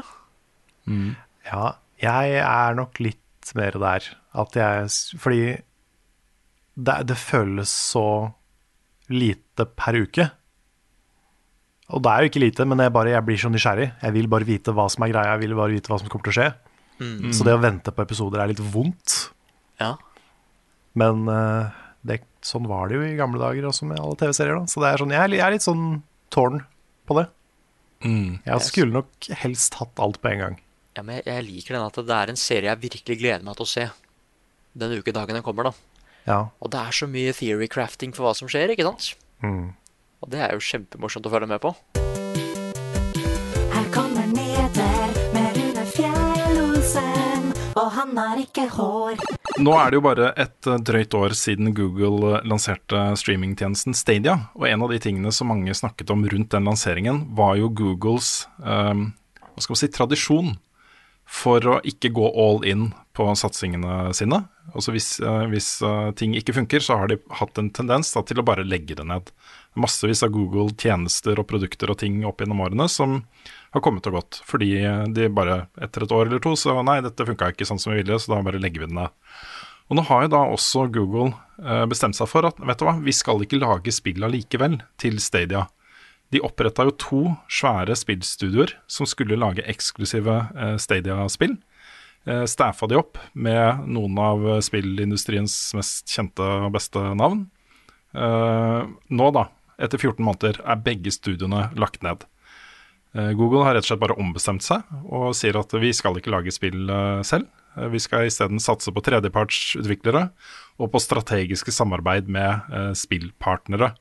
Blant annet så skal de også gjøre Stadia-plattformen tilgjengelig som mer sånne lukka streaming-ting for andre. Også som en ting du kan kjøpe, et produkt du kan kjøpe, og implementere på en måte som du selv vil. da. Um, det er jo en um, Altså det, det, det er ikke en, en sånn varsko for hele Stadia-tjenesten, føler jeg, men det er jo litt sånn Hvis ikke de får så mange abonnenter som de har lyst på, hvis ikke de selger så mange spill som de har lyst på, så, så tenker jeg liksom da vet man litt hvilken vei det går, da. Uh, og det, den beslutningen som er tatt om å på en måte se mer på Stadia som en plattform, som også kan være tilgjengelig for andre, høres ut som en sånn Ok, de har skrudd til strategien sin litt, og det høres ut som et klokt grep for uh, Google. For de har jo alle disse serverparkene sine, og hele infrastrukturen er på plass til å levere streaming som en tjeneste. Um, og hvis ikke de får det til selv, så kan de jo bare selge liksom teknologien da, og konseptet. Eh, og kanskje um, det er lurere for, eh, for Google som selskap. Så er det også sånn at um, de sier, de fleste av de som jobber i disse to studiene, får, eh, har fått eller vil få tilbud om eh, andre jobber i enten Google eller Stadia-systemet. Eh, men ifølge rapporter jeg har sett, bl.a. fra Bloomberg og Jason Schreier, så er det da rundt 150 ansatte som nå må finne seg nye, nye jobber. Eh, og en av de som har slutta, er jo da Jade Raymond, som eh, det jeg så på Twitter, noen bare sa kan ikke noen være så snill la Jade Raymond få lov til å fullføre et spill, for hun har jo hun har jo liksom blitt flytta rundt. Da. Det er ting som hun har hatt veldig uflaks, altså. Um, hun var innom EA og uh, Ubisoft og diverse greier, liksom. Og fikk liksom ikke fullført de store satsingene, for hun er liksom big shot da, Mm. som, um, som de henter inn for å liksom Ja. Så det er jo en eh, det, det, Den der bruk og kast-mentaliteten har litt dramatiske konsekvenser da, for ganske mange mennesker. Også de enkeltpersonene som da slutta jobbene sine og tok en jobb i eh, disse studiene i Los Angeles og Montreal. Mm. Eh, og så nå, bare etter 14 måneder, så må de finne seg nye jobber. Ja. Jeg tenker også litt på det at når du ser hvordan Google behandler tjenestene sine, og samtidig krever at man skal kjøpe spill på Stadia-plattformen, det er ikke en butikk jeg hadde vært komfortabel med å investere i nå. Altså. Nei, men samtidig så er tankegangen syns jeg er litt sånn interessant, fordi eh, vi er på vei nå mot en, eh, en situasjon hvor ikke bare Stadia, men også eh, Xcloud til Microsoft og andre streamingtjenester, uh, GeForce Now, på en måte blir integrert i tingene man allerede bruker. Jeg så en nyhet om at Stadia skal bli liksom ferdig forhåndsinstallert på alle LG-TV-er, smart-TV-er, eh, i 2021. Og alt du trenger da, er liksom en, en, en DualSense-kontroller til PlayStation, eller en Xbox eh, trådløs kontroller, eh, eller da en Stadia-kontroller. Eh, og så kan du bare gå inn på den tjenesten og kjøpe spill, og så har du allerede en bra spillmaskin. ikke sant? Og Hvis du da i tillegg har bra internett, så er det begynner å ligne på et eller annet som teknologi. Ja. Det gjør det. Nei, men det. Men det jeg tenker på, er den der spesifikke Stadia-butikken, hvor Mm. du da skal ha en konto som har det og det spillet. For at du skal slippe å måtte kjøpe det igjen, så må du fortsette å bruke det på Stadia. Mm. Og den butikken er jeg redd for at ikke nødvendigvis kommer til å vare så lenge. Hvis det, for, det, for den, jeg mener fortsatt at det er helt feil forretningsmodell. Da. Mm. Ja, vi må liksom over i Spotify-Netflix-modellen, men vi, Ja. kommer til, vi kommer til å ha en situasjon her hvor det vil være konkurrerende tjenester med forskjellig utvalg. Det er jeg ganske sikker på. Så vi, jeg tenker at hvis, hvis det er streaming du skal gå for da, som plattform eh, om fem år, så må du belage deg på at du er i samme situasjon som i dag, hvor du har Disney Pluss og HBO og Netflix og Prime, og du må liksom abonnere på alle da, for å få sett alt du har lyst til å se. Ja, og det øyeblikket som, som Xbox GamePass kommer på andre ting enn Xbox-konsoller og PC-er, så er jo Stadia pointless. Ja, fordi Xcloud er jo nå integrert med Xbox GamePass Ultimate abonnement. eh, Og kommer på flere og flere plattformer. Det, det vil også bli ferdig installert på LGTV, det er jeg helt sikker på. Ja, ikke sant? Og da har du, veldig- da har ja. du plutselig en abonnementsløsning som har hundrevis av spill, istedenfor å måtte Mm. kjøpe ett og ett spill på en tjeneste som ja, Stadia. Ja, Nei, Man ser noen fronter her nå som er i ferd med å liksom uh, gire opp uh, litt uh, satsingene sine. Skal du si at uh, Stadia fikk et oppsving med at Cyberpunk faktisk funka der? Ja da, og er Hitman også. Mange som snakker om at eh, Hitman 3 funker kjempebra på Stadia. Så, så de som har bra internett det, også, det, det er ikke noe kritikk av streamingtjenesten eh, sånn per definisjon. Jeg tror streaming har veldig mye for seg, eh, særlig hvis du har liksom fiberoptikk hele veien fra internettilbyderen din inn i TV-en din, eh, og så spiller liksom rett på det, så vil veldig mange spill kunne fungere kjempebra eh, som streamingspill. da. Men øhm, det er liksom Microsoft versus Google her, og det er to ganske svære aktører. De øh, har parallelle satsinger som passer godt med streaming. Så vi har liksom bare sett starten på, på noe som kommer til å bli ganske dominerende øh, om øh, noen år. da, Om fem, fem seks, sju, ti år, kanskje. Mm. Det er litt interessant å se det Nintendo har gjort også. Fordi du får jo kjøpt eh, Det er mest i Japan, tror jeg. Men det er jo spill Mm. der som er for kraftige for Switchen, som kan streames. Hitman 3 for eksempel, der også. Ja, og Resident Evil 7 var vel et av de. Mm. Ja. Nei, vi får, øh, vi får se. Jeg, øh, kampen er i hvert fall ikke over. Krigen er ikke over. Så, så der er det bare å følge med videre. Og så er det jo et, et, et sånn investment group, et stort sånn holdingselskap i Sverige, som begynner å bli ganske svært nå. Eh, Det er da snakk om Embracer Group, som i starten, eh, da det ble oppretta, het jo Nordic Games. Og så kjøpte de litt spillisenser og sånne ting, inkludert eh, THQ-merkevaren. Og da ble det da THQ Nordic. Eh, Og så skifta de navn til Embracer Group. Nå har de da også kjøpt Gearbox pluss et par andre selskaper. Tarsier Nei, jeg mener Jeg husker ikke. Men Gearbox og et par andre selskaper i en sånn pakke. Eh, den totale verdien av avtalen er eh, 11 milliarder kroner. Og det er liksom inkludert litt sånn bytte av aksjer og sånne ting også. Eh, men Embracer Group sitter nå da med eh, 58 spillstudioer, altså studioer som lager spill. Eh, De har totalt eh, 5700 ansatte i 45 forskjellige land. Altså det er i ferd med å bli en sånn konstellasjon av utviklere og utgivere som er ganske mektig, da. Eh, Jeg har ikke noen ferske tall der, men de omsatte da for eh, 6,5 milliarder eh, svenske kroner i 2018. Et overskudd på 300-400 millioner kroner. Jeg antar det tallet er litt høyere eh, nå. Eh, og det, det som er litt interessant her, er at veldig, av, veldig mange av de selskapene de har, er sånn tier 2-type selskaper. De er ikke helt oppe på Naughty Dog from software-nivå, men de er hakket under og kan liksom ta et skritt til. da. De har litt å gå på. Eh, inkludert av Tarsier, uh, Little Nightmares-studio. eh, Volition med Saints Row osv. osv. Masse bilspill og det er veldig mye greier de har. da. Så, så dette er en eh, interessant utvikling, syns jeg. Dette er en snakk om å da liksom gjøre en, på en måte indie-verden mer corporate og mer sånn helhetlig satsing rundt det. da. Jeg har noe i ryggen som kan dytte det videre. Eh, og så er det litt spennende at det er svensk, da. Det har vært mye snakk om, eh, om eh, tilgangen på PlayStation 5-konsoller. Da vil jeg først bare si at vi har fortsatt ikke hørt noe konkret om når eh, man kan forvente at alle som vil ha en PS5, kan få kjøpt den. Det vet vi ikke noe om. Vi har spurt, ikke fått noe svar. Mange andre som har spurt og ikke fått noe svar. Så det vet vi ikke. Men mange spekulerte jo i at, eh, at det ble liksom med vilje da, produsert sjukt få PlayStation 5-konsoller til lansering, bare for å generere en sånn frenetisk hype-stemning. Eh, men Sony forteller da at de har solgt eh, 4,5 millioner PlayStation 5-konsoller de første tre månedene etter lansering. Og Det er ikke et lite tall, altså. altså hvis du ser tilbake på tidligere konsollanseringer, så er det fullt på høyde og sikkert over eh, de fleste eh, i liksom spredning av nye konsoller. Så her er det trolig da snakk om bare vanvittig høy interesse, som har ført til um, brorparten da, av, eh, av eh, tilgangproblemene. Kan det jo være at det, altså nå flere har kommet inn i gaming det siste året. Da Mm. tror jeg én en ting, og da får du plutselig flere som er interessert òg. Mm. Det ble også rekordresultater for Sony i kvartalet, så um, de har, uh, de har i hvert fall gjort det bra. Selv om folk sitter rundt og hytter med neven og venter på konsollen sin. Uh, Jeg så også at uh, Komplett har stengt muligheten for forhåndskjøp. Nå sier de at nå skal alle de som har allerede forhåndsbestilt, så lenge de ikke av, avbestiller og kansellerer den, så vil de bare stå der til de har fått den. Eh, før de da åpner opp for eh, mulighet til å kjøpe PlayStation 5-konsoller igjen Ja. hos dem.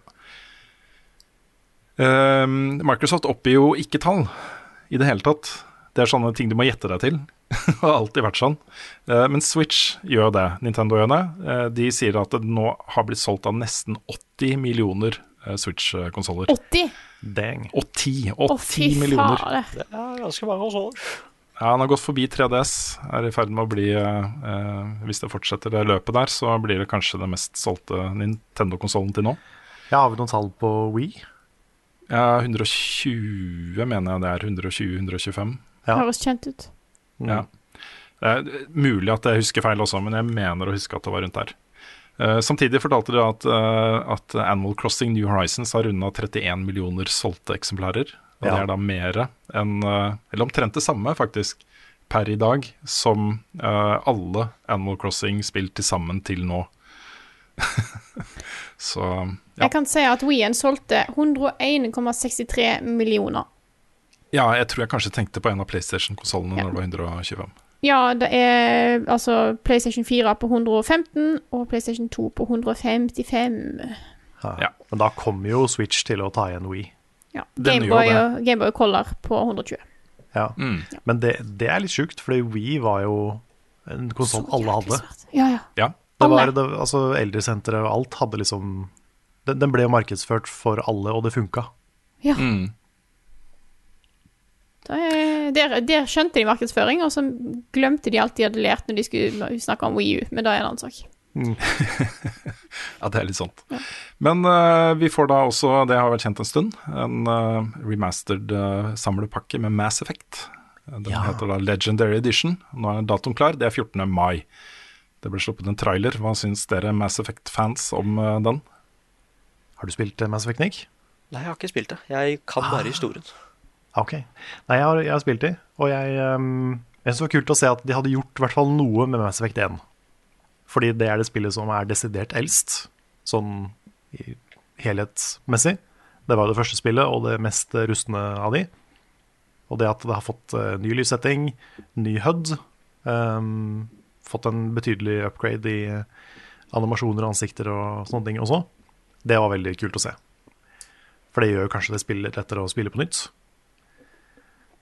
Jeg er litt spent på å se om de har gjort noe med sjølve menyen og eh, equipment-systemet, for det var veldig knotete i uh, gamle Mass Effect. Og det løste de veldig bra i de andre. Og, men det at de har gjort om Hudden, liksom, det er jo tegn på at de kanskje har gjort det. Jeg ser jo det er folk som har testa dette her i sånn preview settings. settings. Uh, en ting de kommenterer, er jo at eh, det tar mye kortere tid å ta heis nå. Ja, det var jo en meme med Mass Effect 1. At du blir stående i en sånn veldig klein heis. Og du har sånne korte samtaler mellom characters for å prøve å maskere det litt. Fordi det er jo ikke loading-skjerm, det er bare en heis. Ja, ja, ja. Men, eh, men det funka liksom ikke helt. Altså, du, du har liksom bare de tre karakterene som ser veldig badass ut, som bare står i heisen og venter. Ja. Og det, var, eh, det, det hadde nesten vært bedre med bare en vanlig loading-skjerm. Men det er bra at de har klart å kutte ned det. Ja. Og så er endelig da Destruction All Stars lansert på PlayStation 5. Det skulle jo være et launch-spill.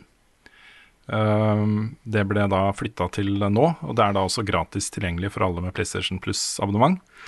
Uh, ikke for å teste det selv, og jeg hadde liksom tenkt at dette er jo et spill som, uh, som uh, ungene mine kommer til å digge, men nå har jeg endra mening på det. For de har et system der hvor de bruker da både mikrofonen og høyttaleren på DualSense-kontrolleren per default. Hvis du skal skru det av, så må du gjøre det for hver runde. Du må gå inn i liksom menyen og skru av de tingene for hver eneste runde. For hver gang du starter en ny match, What? så skrus det på igjen. Så det vil jo si da at hvis, jeg, hvis du sitter og spiller DualSense, nei, spiller eh, Destruction All Stars, så vil du da potensielt ha liksom sju skrikerunger som har lyst til å ligge med moren din i stua di, liksom. Uten at du har bedt om det. Men det er jo en mega-oversight. Ja, det, de kommer til å patche det ut, ja, det må de jo. I hvert fall ah, gi deg muligheten før du starter en match, å bare skru av og på liksom sånn Enten automatisk for alle matcher eller for hver eneste match. da Ja. At ikke du må gå inn i menyen til PlayStation 5 for å skru det av, liksom. Det er det første jeg gjør i alle, alle multiplayer-spill, er å skru av voice acting med strangers. Ja, ja, ja. Voice eh, chat, mener jeg. Ja voice acting. Skru av voice Skru acting. av voice acting. Fuck you, Nolan North.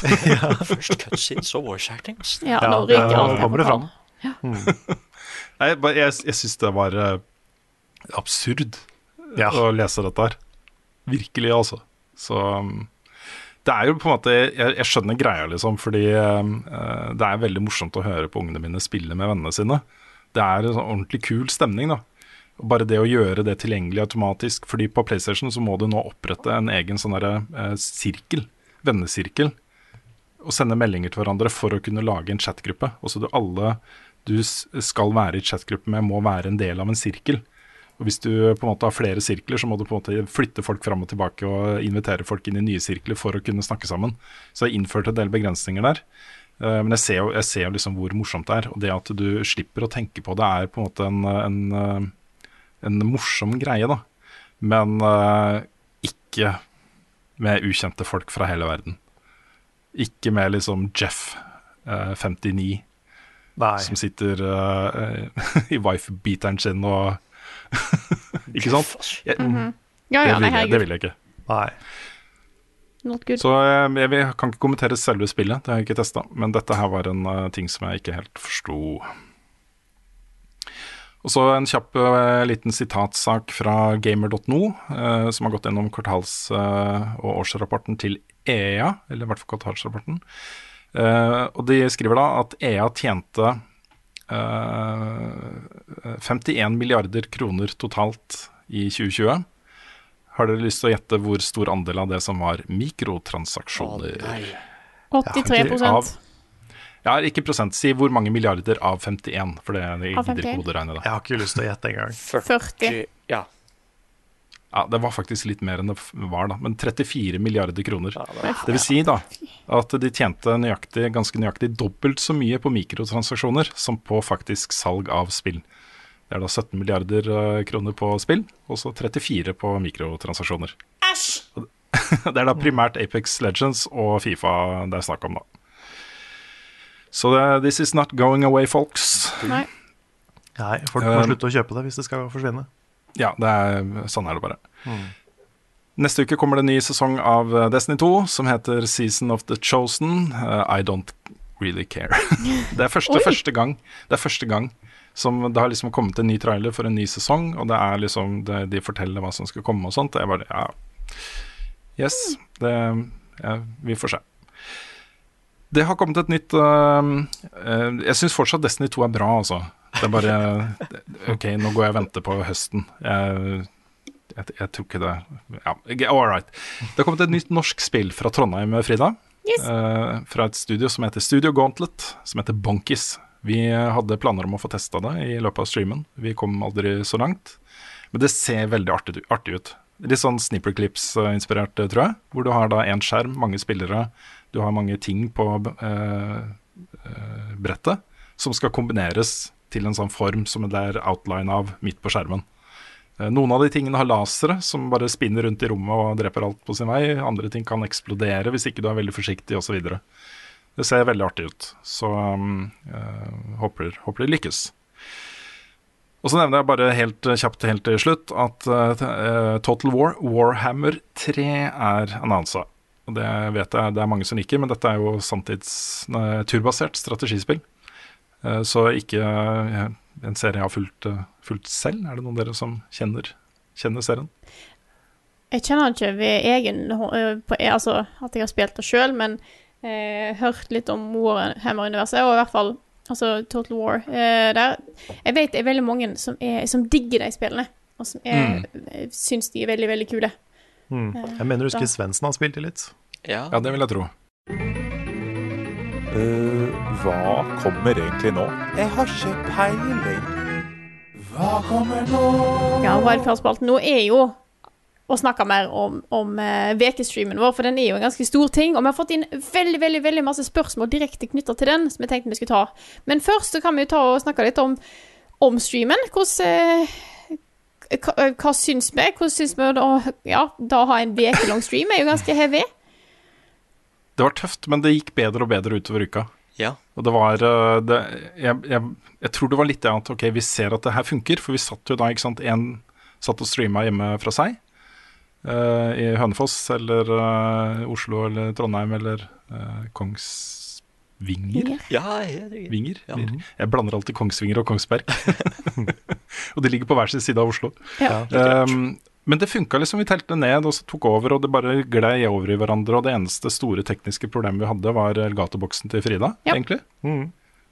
Det er, uh, var helt uh, sjukt. Så uh, i starten var jeg veldig veldig sliten, men det gikk bedre og bedre utover uka. Jeg er Ja. Kjempefornøyd med hvordan det ble gjennomført. Altså. Det, det gjorde det. Og det, var, det er litt som å svømme fram og tilbake i en svømmehall. At de første rundene er de verste. Og så etter hvert så blir det sånn Ok, nå klarer jeg faktisk å holde det gående. Ja. Det, var, det var litt sånn. Jeg var jo eh, hos, eh, hos en fysioterapeut på mandagen etter og fikk masse nåler inn i halsen for det jeg begynte med. Knall. uh, mm.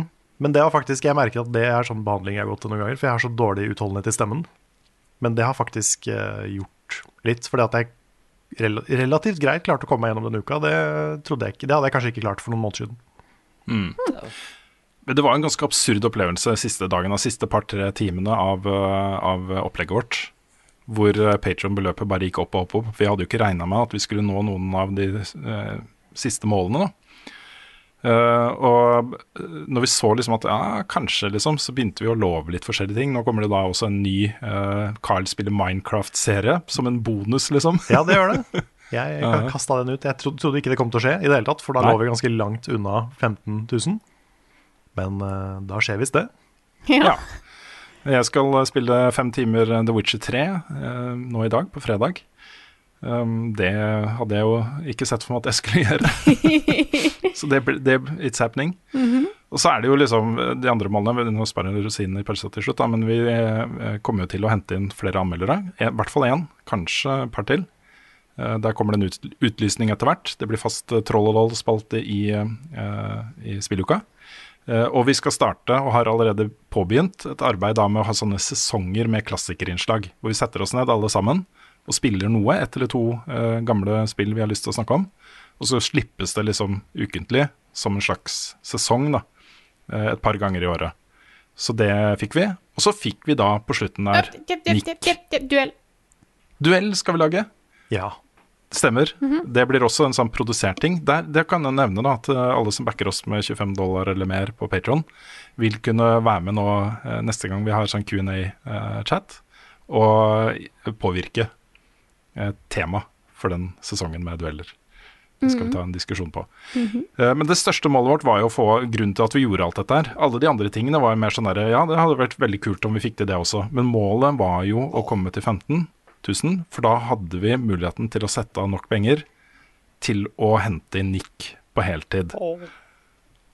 Og det er ah, det øyeblikket hvor, eh, hvor jeg så det 15-tallet på streamen, det er sånn et av de største øyeblikkene i Level Ups historie også. Ja. Det var helt sjukt. Mm. Jeg fikk tilbake den følelsen jeg fikk den første gangen vi lanserte Patreon, Ja. og fant ut at dette her kan vi jo gjøre.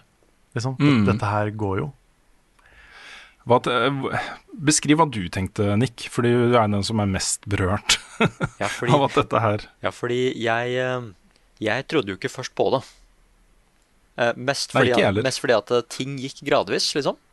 Mm. Eller gradvis og gradvis. Det, det gikk fort. Men vi kunne fortsatt se liksom progresjonen på summen, da. Men så hoppa han plutselig sånn 600 dollar. Og da var jeg litt sånn Nå har det skjedd ganske mye med Max-Meckering i det siste, så det kan hende at, eh, at scriptet vårt krasja eller et eller annet. Um, så de, de første minuttene så bare Nei, det kan ikke stemme. Nei, det kan ikke stemme. Vi må sjekke tallene igjen. Det går ikke an. Um, men så bare fortsetter tallene å gå oppover, ikke sant. Og da, det er da det liksom går inn for meg at oh shit, vi har faktisk eh, Det stopper jo ikke.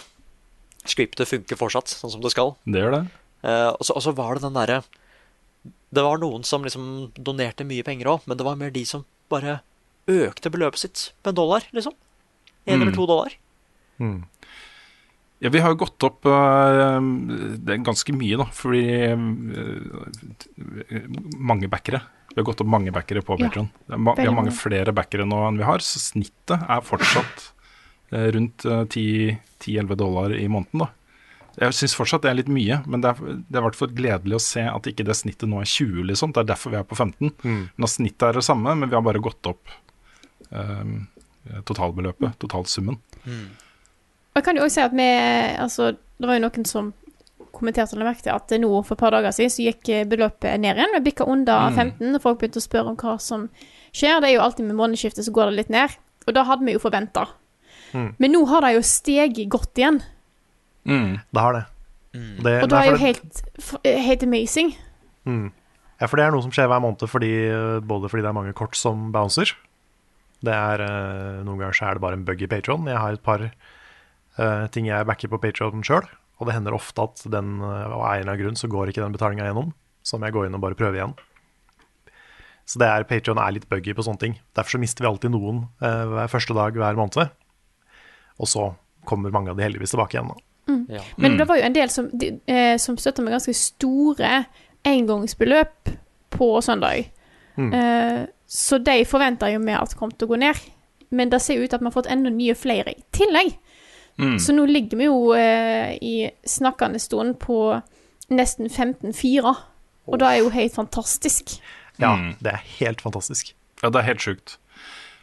Og det er mange som har spurt oss. Vi skal straks svare på spørsmål, for mange av de tingene vi har lyst til å si om det vi opplevde og om selskapet vårt og fremtiden vår og sånn, kommer i de spørsmålene vi har uh, fått. For det har kommet sjukt mange spørsmål. Det er derfor vi velger å gjøre det på denne måten her, da. Ja. Ja. Når vi har bedt om å få spørsmål, så er det veldig mange som har spurt oss om disse tingene.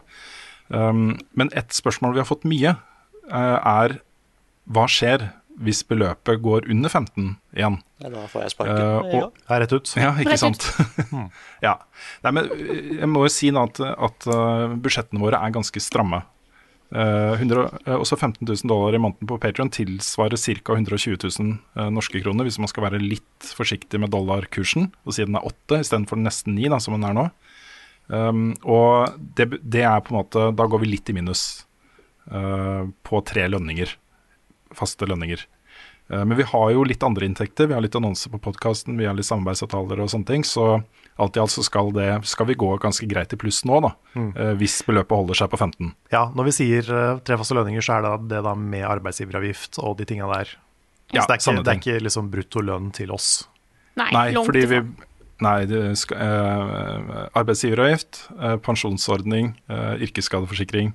Det kommer litt ting på toppen her. Mm. Så, så det er situasjonen. Vi um, er jo et lite selskap med på en måte, hva skal man si, veldig sånn stramt budsjett. Vi har, vi har ikke budsjettert for å bruke mye mer penger enn vi har, men vi har, ikke sant?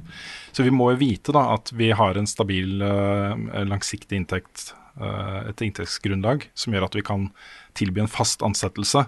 Så bare som info til folk, så er nå dealen vi har med Nick, er at du, får et, du får et fast beløp, Nick, i måneden fram til og med august. Og så skal vi revurdere og se om vi har muligheten til å gi deg en, en full fast ansettelse i Buffkitten AS fra september. Det er målet vårt. Han er ansatt som på prosjektbasis så langt. Det er en veldig vanlig form, da. Også, det er mer sikkert, for små, særlig for små selskaper. Um, det, det, ja, det tjener oss bedre enn det gjør deg da, Nick. det gjør jo det. Uh, du må selv sette av uh, feriepenger, f.eks. Ja. Sånne ting. Men uh, det er en veldig vanlig Du hadde jo den avtalen i VG. Ja, i mange år så var jeg prosjektansatt. Så, men du får eh, eh, greit betalt for å jobbe fulltid for oss, og dette vi kjører nå bare videre. Nå kjører vi på, folkens. og målet vårt er jo da i august Det vi håper, ikke sant, er at vi i august så er eh, koronasituasjonen en helt annen. Vi kan eh, begynne å innrede vårt eget kontor, eh, sette opp lamper og sånt, og sitte sammen alle tre. Du flytter til byen og, og så videre. Ja. Så um, det er målet. Dæven, altså. Mm, ja, det er, det er veldig stilig. det er kjempebra. Det er en spennende tid. Det er så svært. Jepp. Men skal vi ta, kjøre gjennom eh, spørsmålene? Det er mange av dem. Let's go. Jeg har lyst til å starte med et spørsmål her, eh, fordi at det er litt gøy å se på sånne ting. Det er fra Ole Dole. Han skriver Hei, og gratulerer med vellykka st stream forrige uke. Jeg lurer på om dere kan dele litt statistikk og tall. Mest sette stream, antall unike seere, totalsnitt, beste dag, osv. Um, jeg kan i hvert fall begynne med at vi gjennomsnittlig, totalt hele uka, hadde eh, et eh, altså gjennomsnittlig seerantall på 329. Og da tar da med natta. Ja, det, det, for da satt det liksom 100, 150, Ja, 140 stemmer det. Ja. og bare chatta Det er også- hele. Så midt på dagen så lå vi på rundt 500, eh, så Mm. det jevner seg ut eh, over der. Eh, vi har også fått 699, eh, 677 nye som følger oss. 533 abonnement. Eh, en anslått Twitch-inntekt på 1600 dollar. Og vi har streama i 155 timer og 43 minutter! Mm. Ha. Ja, det var, eh, når jeg kikka på tallene, så var det jo sånn et sted mellom eh, eh, ja, 5 og 7500-8000 unike seere innom eh, streamene våre i løpet av et døgn. No, ja, eh, du, tar, du tar litt i, men lå som, som regel på rundt Altså 7,5 var det meste eh, på, Det det meste, på mandagen. så så ja, vi lå ca. på 5000 unike seere hver dag. Det, er det betyr jo da at noen var innom og så litt, og så kom det inn nye osv. Men det er veldig høye Twitch-tall. Det er sånn, vi, vi har jo hatt flere samtidige seere før, men over så lang tid, så mange mennesker, eh, ganske eh, Ja, det varmer. Men jeg kan òg jeg, eh, jeg har andre tall her. Vi har fått mm. inn eh, eh, Ja, det var jo 20, nesten 28 000 bits. Eh, 780 dollar i donasjoner via Streamlabs i utenom. Og vi har solgt 201 ulike produkt i shoppen vår. Ja, det er også kult, for den lanserte vi jo eh, helt i starten av eh, uke, ukestreamen. Den nye shoppen vår. Jeg har kjøpt er- fem produkter sjøl, ja. så jeg var innom og shoppa Ja, det litt etter, streamen. Ja. Hva, hva er URL-en til denne? For det er uh... Da er shop.spreadshirt.no slash levelupnorge. Ja, for jeg har ikke Eh. begynt å liksom kommunisere den ut av det ennå. Jeg må gå inn aktivt nå hver gang jeg legger ut en video på YouTube, og endre linken til shop, merch-shoppen vår. Men eh, der ligger det masse ute. Jeg tror vi til og med har en um, Vi har en, en, en uh, rabattkode som er fordi at vi nettopp har starta shoppen. Den er vel gyldig ut den uka her, hvis jeg husker rett. Stemmer det? Uh, 15 i shoppen vår uh, ut den uka her. Folkens, løp og kjøp. Ja, jeg har et veldig, veldig um, uh, brennaktuelt uh, spørsmål her fra Mattis Hjelmerud. Feiret Nick full jobb med en urge? Kan du banne på det gjorde? Ja, for de, de gjorde det faktisk, ja, jeg, ikke sant? jeg gjorde faktisk det. Ja. Det var eh, når jeg, når jeg innså at eh, shit, dette her kan faktisk gå, så tok jeg fram urgen. Nei, det Mm. var en sånn derre det, det, det var en veldig sånn tullete situasjon, sånn egentlig. Eh, fordi det var liksom Det, det var den siste dagen. Eh, vi gjorde oss klare. Vi var litt slitne. Vi hadde hatt det gøy, liksom. Eh, og det var kjempegøy at det var så mange som fortsatt så på. Det var jo på sånn 500-600 seere, mens uh, Svendsen spilte Bloodborne, og Carl spilte Max Mekker og sånn. Eh, og så var det liksom eh, Energinivået mitt gikk opp da jeg så liksom at Oi, nå dukka det opp flere donasjoner. Men så gikk det samtidig ned når jeg begynte å skjønne at eh, dæven, nå er vi faktisk eh, Dette kan faktisk gå. Jeg husker veldig godt at Rune sa at hvis, du, hvis vi når 15 000, kan du begynne på mandag. Ja, nudge, nudge, så klart jeg kan det. Karl begynte å snakke om Minecraft-serie og sånn, og bare skal vi avslutte med sjakk hvis vi når 15 000? Ja, wink, wink, vi kan avslutte med sjakk. Vi når, ikke, vi når det liksom ikke så klart vi kan. Love noe Nei. sånt. Vi sa jo til og med at vi aldri skulle spille sjakk på stream igjen. Ja, Ja. Men, nei, men der her kan du se, altså. Mm. Nei, vi, vi bare challenged fate hele tida. Bare ja, ja, det skjer jo ikke. Uh, Mm. nei, så når jeg spiller uh, Når vi satte i gang det siste liksom, sjakkspillet da, så var jeg litt sånn derre litt, litt sånn Jeg var ikke tom, akkurat. Men, men, jeg måtte, men jeg satt der og liksom fordøya det som hadde skjedd. Mm. Uh, det, det, det var litt sånn surrealistisk, liksom. For det skjedde, det skjedde Jeg hater når ting er dårlig planlagt, ikke sant? Uansett hvor hyggelig det er. Så jeg var liksom Jeg visste liksom ikke helt åssen jeg skulle reagere på situasjonen. Og så er jeg ikke en Mm. sånn typisk reactor, liksom.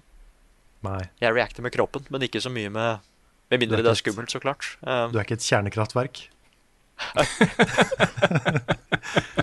Nei, men jeg, jeg skjønner hva du mener. Jeg, jeg er akkurat samme. Jeg er ikke en typisk reactor. Den eneste reaksjonen min som har kommet på cam, er den der Final Fantasy 7 remake-greia. Ja, det er sant, det. Mm. er ja, det Jeg må skvette for at jeg skal reagere, men det syns liksom at, at jeg, var, Mm. jeg var happy. Jeg gikk rundt i rommet og sånn. Mm. Klarte liksom ikke å sitte stille. Mm. Nei, det er, eh, det er herlig, altså. altså er det, så, det er så fortjent òg, liksom. Det er um, eh, Begge dere to, Frida og Nick, dere har jo liksom Er jo sterkt delaktig i det level up har blitt. Mm.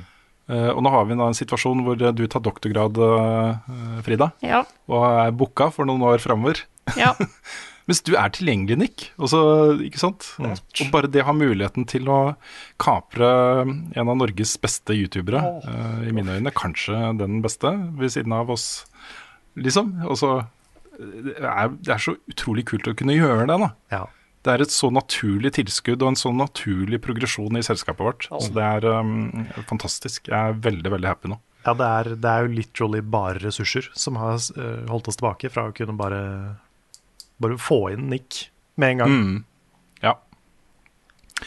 Så det er kjempebra. Nei, Jeg går videre til neste spørsmål. Det her er, dette er jo det veldig, veldig, veldig viktig spørsmål fra Nils Oddvar Ulland.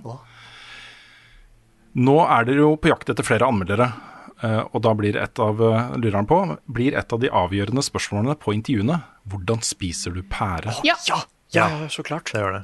Og det må da være på min måte. Ja, Nei, Nei, vent, hva, hva sa ja. Jeg, jeg hørte ikke. Frida sa ja. Jeg hørte det.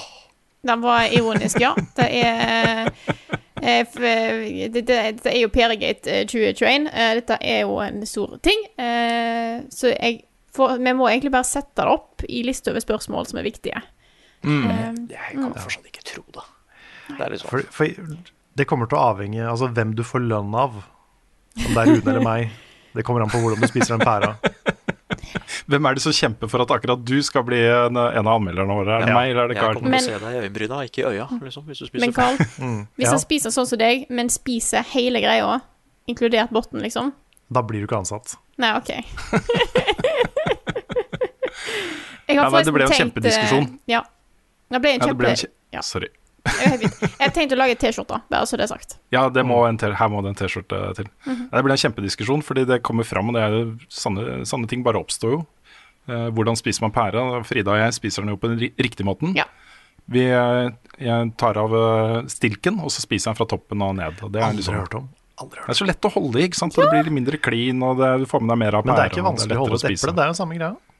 Ja, men det, den eplet har ikke den spisse tuten opp, som er ment å spise først. Ja, for eplet har på en måte eh, dips på begge sider, altså du kan holde der. Mm. Det har ikke pæra.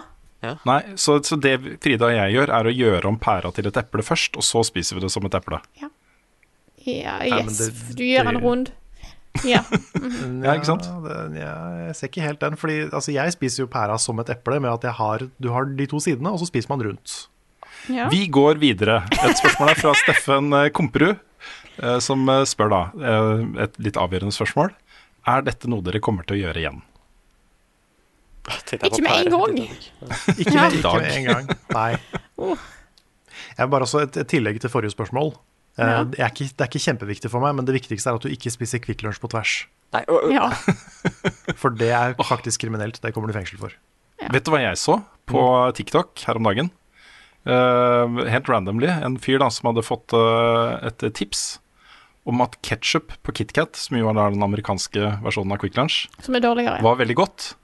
Så han, han satt der, da. Og ikke bare tok han masse ketsjup på KitKat, men han spiste den også på tvers. Vet du hva, det er I tillegg. Ikke, det er ikke greit.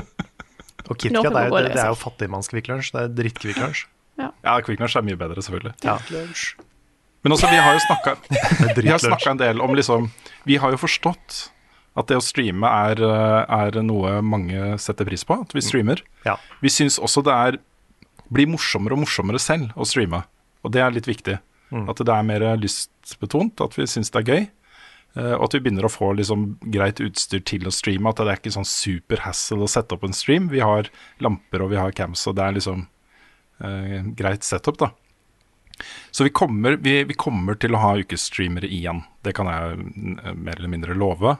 Og vi kommer også til å streame mer enn vi har gjort de siste månedene. Eh, men akkurat hvor stor del av liksom virksomheten vår som blir streaming, det har vi ikke helt eh, bestemt oss for ennå. For vi vet jo at det er mange flere av seerne og lytterne våre som ikke ser på stream, enn som ser på stream. Mm. og mange har lyst på podkasten vår og anmeldelsene våre og spilluka og de eh, produserte tingene vi lager også. Så vi, kan, liksom, vi kommer ikke til å bli streamere heltid, liksom. Det kan vi si her og nå. Det er sant. Det er, for det, er, det er jo noen som har spurt oss av og til om liksom, ja, hvorfor, har dere, hvorfor er ikke anmeldelser hovedfokuset deres? Men tingen er at det er det. Det er bare det at Mm. det tar så mye lengre tid enn alt det andre. Ah, Sånn som det spilluka kan vi lage på en dag, podcasten lager vi på en dag. Eh, En stream kan vi sette oss ned og gjøre der og da. Mens en anmeldelse krever at vi spiller gjennom et helt spill, skriver manus, voicer, klipper, og det er jo en arbeidsuke pluss pluss ofte. Så selv om det ikke kommer Selv om ikke det nødvendigvis kommer anmeldelser hele tida, så er det fortsatt det som er hovedfokuset vårt. Ja, definitivt. Jepp. Eh, skal vi se, Jon Magnus Restad spør her hva blir Nick sine første prosjekter som fast eh, ansatt? Uh, og alle her, jeg må bare si det, alle gratulerer og sier takk for stream og sånne ting. Jeg tar det litt bort, fordi jeg har ikke lyst til å sitte og bare si gratulerer, gratulerer hele tiden. Uh, men det er veldig hyggelig med mange hyggelige tilbakemeldinger. Det er sånn generell takk da, til alle som, som sier sånne ting. Det setter vi veldig stor pris på. Tusen takk. Tusen takk. Vi hadde jo et, det første liksom, møtet vårt hadde vi på mandag hos fire, som satt og diskuterte akkurat det. Og um, vi Det kommer til å bli konkrete ting, altså nye ting, som, uh, som uh, er det, kommer fordi Nick nå er der, og vi er tre. Det, det gjør det. Akkurat hva det blir, har vi liksom ikke helt bestemt ennå. Men det som hovedsakelig dette her betyr, er at det vil komme mer innhold fra Nick Ja. på kanalen vår. Ikke sant? Oi, Det var ja. litt sånn vi konkluderte. Ja. Ja. Eh, det, ja. Det blir jo, eh, Spilluka har vi jo sagt allerede i fjor høst at det blir da annenhver uke uh, Jon Cato med Troll og Doll, og annenhver uke en ny spalte fra Nick. Det stemmer. Så, så det er jo en konkret ting Um, som du nå um, kan gjøre fordi du får fast betalt av oss. Du trenger ikke å fakturere for hver spalte lenger. Ikke sant? Og så blir det jo, du har jo flere videoer som du jobber med nå, som vil komme da på kanalen. Du er, inntil videre så er vi nå tre stykker som lager innhold på heltid istedenfor uh, to. Ja, fordi jeg har, jeg har de eh, Det er jo to videoer som liksom er før ansatt, liksom, som jeg må bli ferdig med. Og det er jo Mm. liksom Shabberpunk og kanskje topp, topplista. Det er Ja. liksom de to. Um, men, men jeg har liksom Nå som jeg veit at jeg har mer tid, så har det åpna dørene for andre prosjekter jeg kan gjøre. Mm. Og det er det som er spennende. Kjempespennende. Så jeg må bare bli ferdig med toppliste og Cyberpunk, så er jeg liksom i den nye I den nye æraen for Dick, liksom. Yeah. Og så I tillegg så er det jo en ny, en ny fase med endringer når koronaen gir seg. For da, Det er helt sant. da har vi jo tenkt å se på muligheten for å sitte sammen og jobbe oftere.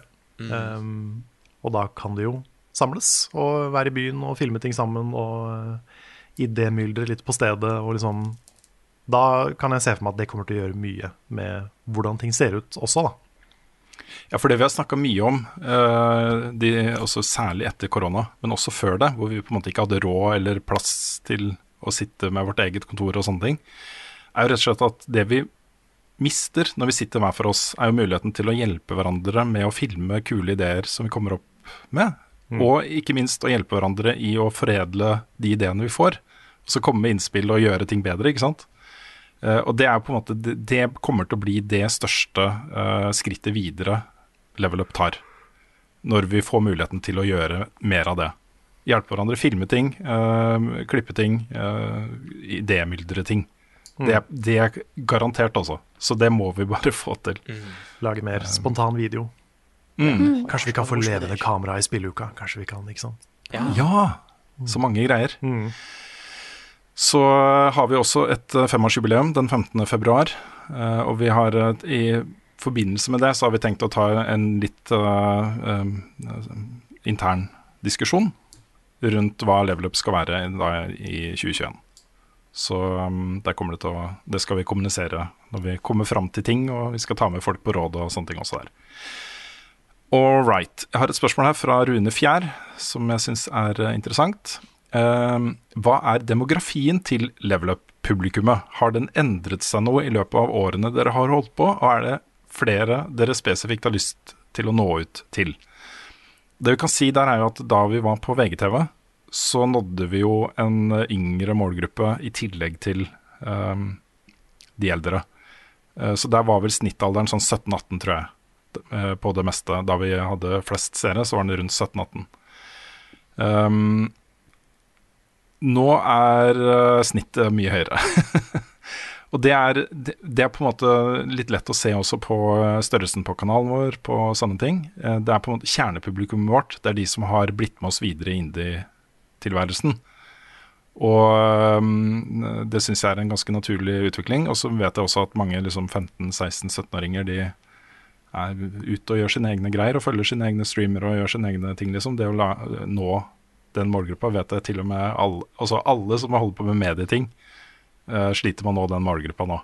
Uh, NRK, VG, Aftenposten, Dagbladet, alle liksom sliter med å nå den målgruppa.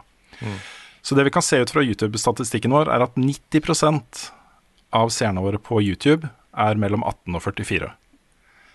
Og innenfor den gruppa så er 44,5% mellom 25 og 34. Så um, ja, godt, godt moden uh, voksen målgruppe som vi har uh, på innholdet vårt. Mm. Og det, det er jo spesielt på YouTube. For de aller fleste Mm. som er på YouTube, har en mye yngre målgruppe. Mm. Ja. Det, min kanal hadde jo det. Det er mye pga. Minecraft og den type ting. Mm. Så um, det er litt, sånn- litt sånn spesiell ting med vår kanal. Ja. Jeg er veldig komfortabel med å ligge der. Mm. Jeg vet samtidig at uh, alt innholdet vi lager, også uh, kan være attraktivt for yngre, yngre seere og lyttere. Uh, men det eh, jeg vet ikke helt hvordan vi skal finne dem. Det TikTok. er på en måte det. Ja, TikTok. Ja, men også, Kan spille også Minecraft. det, det, det er ikke det, det, sier det litt på tull, men det er ikke sikkert det hadde vært så dumt å lage på en måte en TikTok-versjon av eh, Level Up. Vi kunne ikke gjort det på den måten som Erna Solberg og de gjør det. Vi måtte vært oss selv, men det, det kan hende at det kunne vært lurt. Jeg ser i hvert fall at uh, eh, andre medieaktører har enorm suksess med å lage gode Instagram-satsinger. Hvor de uh, har utrolig god sånn uh, turnover. At folk som følger de på Instagram, ofte nok da, eh, flyttes over til eh, hovedplattformen deres og blir eh, forbrukere der også. Mm. Men Så jeg- det, er- det er masse sanne ting vi kunne gjort, da. Ja, men jeg, jeg så jo det var, det var noen som diskuterte det i chatten eh, av og til også mens vi streama. Sånn, hva er egentlig hovedmålgruppa til Level Up? Mm. Eh, og sånn aldersmessig så har vi ikke egentlig en veldig spesifikk målgruppe. Det vi, mål, Overhodet ikke. målgruppa vår er folk som er glad i spill, folk som brenner for spillmediet, liksom på generell basis. Mm. De som jeg, jeg tror de vi treffer best, er de som har en veldig generell spillinteresse. Som ikke er Mm. veldig uh, peila inn på én ting, liksom. Hvis du, bare, hvis du bare er skikkelig inne i Fifa, så er det ikke sikkert du får så mye ut av level up som hvis du er glad i veldig mange forskjellige spill. Men, men det er på en måte spillinteresse og spillidenskap da, som er, det er det som er målgruppa vår. Og den er så universell, fordi jeg kan jo som 47 47-åring sitte og spille online-spill uh, med en gruppe mennesker hvor aldersspennet er liksom 13 til uh, 80. Og vi har noe å snakke om. Vi har en felles plattform, og vi kan liksom snakke om ting uten at det blir rart, da. Fordi vi deler en felles interesse om akkurat dette spillet, og om spill generelt, ikke sant. Og det, det er litt sånn vi lager innhold også. Vi lager ikke innhold for voksne eller for barn eller for noen. Vi lager um, innhold for spillinteresserte. Og det, det har på en måte ikke Ok, kanskje er du syv, syv år gammel, så er kanskje ikke Level Up-kanalen for deg. Men er du 13 og er interessert i spill, så mener jeg jo vi er det. Ja, Nå så jeg for meg en sånn sjuåring som sitter der og hm, ja, arkitekturen i Control, ja, det er ganske Men nå har vi sklidd litt over i spørsmål- og svarspalten, tror jeg. Ja, kanskje lite grann. Men jeg, vi, jeg, vi har mange spørsmål. Ok. Vi begynner, begynner kanskje å slippe opp litt for tid, da, eller eh, hva er det det du tenker på, Frida? Eh, Kanskje lite grann, men vi har eh, det, altså bare kjør på, så får vi heller Ja, jeg prøver å, prøver å svare litt kjappere da, på, på ting. Eh, Simon Philip Berg spør her. eh, forstår dere nå er kommet eh, at vi nå kommer til å prøve å dekke litt flere områder på spill, som f.eks. sportsspill? Er også strategispill noe dere tenker på å få mer dekning av? Eh, og vi har fått mange lignende spørsmål om akkurat dette her. Folk etterlyser f.eks. bedre dekning av Games as a Service-spill. Mm. Mobar. Hmm? Mobar. Ja, ikke sant? Eh, og vi, vi kommer til å se på hele den miksen da, når vi lager denne videoen. Eh, det aller kuleste hadde vært å finne én person som er superinteressert i sportsspill, men også en del av de andre tingene vi eh, trenger mer input på. Eh, men vi håper liksom at det skal dukke opp liksom noen gode alternativer her innenfor andre ting også. Så målet er jo å lage bredt innhold om spill, og tette hull. Og noen spør jo også om eh, Martin Rotmo f.eks. spør jo trenger vi sportsspillanmeldelser i det hele tatt. Bør vi ikke bare dyrke det vi er gode på? Og målet vårt der er jo da å få inn en sportsspillanmelder som også er en naturlig del av hele level up. Mm. Og som ikke bare er interessert i sportsspill, kanskje, men som også er interessert i andre ting, og som kan bli en del av liksom level up-familien på en naturlig måte. da. Ja. ja, fordi jeg er veldig enig i det Martin Rotmo sier, at vi burde dyrke det vi er gode på, og eh, peile oss inn på liksom å være best mulig på, på det. Men samtidig Mm. så føler vi litt på den der, kanskje litt det der journalistansvaret om å dekke flere sider av spillmediet. da. Mm.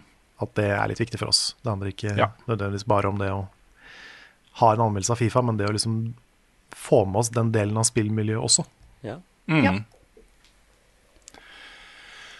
Skal vi se. Jeg har lyst til å svare her på et spørsmål fra Brede Eiken, som også er eh, et spørsmål vi har svart på veldig mange ganger. Men siden det kommer, så tenker jeg at dette må vi bare eh, løfte fram i lyset med jevne mellomrom. Ja. Og spørsmålet til Brede er da om vi har vurdert å stille Det er allerede litt sånn kritisk i spørsmålsformuleringen her. Har dere vurdert å stille høyere krav til score i anmeldelsene deres? Eh, og det han tenker på da, det er jo at vi ofte ligger i sjiktet seks til ti av ti. Um, og svaret på spørsmålet er rett og slett vi prioriterer så knallhardt på hva vi skal anmelde. Og en av de viktigste og største prioriteringene vi gjør, er at vi heller har lyst til å um, anbefale gode spill enn å um, fortelle folk hva de ikke bør spille. Så der gjør vi en ganske klar vurdering på forhånd. Og jeg har spilt masse ting som det ikke har blitt anmeldelse av, hvor jeg tenker at ja, dette er greit, det er kanskje en fire av ti, liksom. Trenger ikke å anmelde det. Bør jeg heller bruke tida mi på noe som jeg syns er bra, og som jeg kan anbefale. Og da blir jo den karakterskalaen vekta feil, Mm. når, når vi har det som utgangspunkt. Ja, og, det, og det her gjelder jo ikke bare oss, det gjelder jo veldig mange spillredaksjoner. alt, Mm. alt fra liksom gamer.no til IGN til eh, Giant Bomb, alle, eller jeg husker ikke hvem som bruker scores fortsatt, men det er jo en del av de. Og det handler jo om det, at det er ingen som bruker tid på å anmelde drittspill på Steam, f.eks. Men hadde vi gjort det, så hadde jo skalaen jevna seg ut. Ja, hadde det. Og spill tar eh, For jeg så at når jeg sammenligner med på en måte karaktersetting på film, da anmelder spill tar så lang tid, for mange av spillene er så utrolig lange. Mm. Eh, og da har ikke jeg lyst til å bruke den tida jeg har, til å spille noe som bare er helt ræva. Nei, hvis du bruker 50 timer på en anmeldelse av et uh, spill og ender opp med en to av ti, tre av ti, liksom, så har det jo tatt tid, da. Fra et bra spill som vi kunne anbefalt. Det, så, så enkelt er det, på en måte. Ja. Og grunnen til at du ser et større spenn i filmanmeldelser, er det at du det, det er mye lettere å invitere en haug med anmeldere på en pressevisning av en film, uansett om den er bra eller dårlig. Mm. Mens da eh, de 40 shovelware-spillene som blir lansert hver dag 40 er ikke å ta i, det er kanskje heller 400 Ja. som blir lansert hver dag. De har jo ikke sånne events, og det er ikke noe presse Det er ikke noe Vi har ikke noen naturlig grunn til å anmelde de, da. Og Nei, jeg, kunne ha sett, jeg kunne ha sett 20 drittfilmer på den tida det tar meg å spille et spill, liksom. Så Og selv om det dukker jo opp eh, Altså, det å anmelde et ræva kan være morsomt.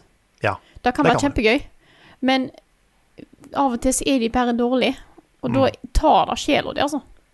mm. Ja, og når, det, når de delene av skalaen kommer fram, det er f.eks. når det kommer et spill vi har gleda oss til, eller et spill vi har vært nysgjerrig på som viser seg å være crap, sånn som Mm. Mighty Number Nine er et prima eksempel. oh. Eller det Gundam Breaker som Nick anmeldte. Det, så det skjer jo, Tomorrow men, Children. Ja. ja, men det er bare ikke noe vi prioriterer. Vi prioriterer på en måte å få anmeldt det vi tror det er mest interesse for, det vi, det vi sjøl er mest spente på, og det vi tror kommer til å bli bra. Ja. mm. Og derfor så ender det også ofte opp med å være bra. Ja, pluss at filmer har jo ikke gameplay-trailers. Nei, ikke sant? Du vet, du vet ikke helt om en film kommer til å være ræva før du ser den. Ikke sant? Mm. Hva er hennes best, hvordan fredag sist har Carl egentlig sopp? Ukens spørsmål. Og da kjører vi på med flere spørsmål. Her så starter vi, fra, eh, starter vi med et fra Jakob. Han skriver Kona og jeg skal selge kåken, men vi er litt fram og tilbake på følgende. På visning skal PS5-en stå framme i TV-benken eller stues vekk i nærmeste skap. Kjør debatt, folkens. Den skal jo stå der, fordi det viser at det, fa det er en familie av kultur. Ja, Man of culture. mm. Han ser jo fin ut, da. Syns jeg, i hvert fall. Ja, kanskje det kommer litt an på hvordan resten av leiligheten din ser ut. Ja. For Hvis det er totalt krasj, så kanskje man burde gjemme den. Men samtidig da, så har du det elementet med at den er ganske sjelden nå. Ja, det er akkurat det. Og hvis Jeg tenker om det er på bildene, liksom. Du kan jo tiltrekke deg folk som er interessert i noe helt annet enn leiligheten din. Ja, Mm, Det er en case, ja. Mm. litt som, eh, litt som å selge sjampo med pene mennesker. ja. Men jeg sier, jeg sier la den stå framme. Jeg, sier ta den bort, da, men det er ikke fordi eh, det er noe feil å ha en konsoll i stua. Eh, jeg har solgt noen leiligheter i Oslo. Og det som vi har fått råd om hørtes hver du big shot ut. Har solgt noen leiligheter. Ja, jeg har solgt noen leiligheter. Ja, men jeg, jeg, jeg kjøpte jo tidlig. Jeg kjøpte på slutten av 90-tallet. Ja. Og så har jeg bodd flere steder etter det, da, og det er med kjøpte leiligheter. Det er det, derfor man kjøper leilighet, ikke sant? Mm. Sånn at man kan selge den med fortjeneste og kjøpe en litt bedre leilighet. Det er, ikke sant? Eiendomsmogulen Rune Wilhelmsen. Ja, jeg er ja, faktisk. På papiret så Ja, er jeg faktisk millionær nå, altså.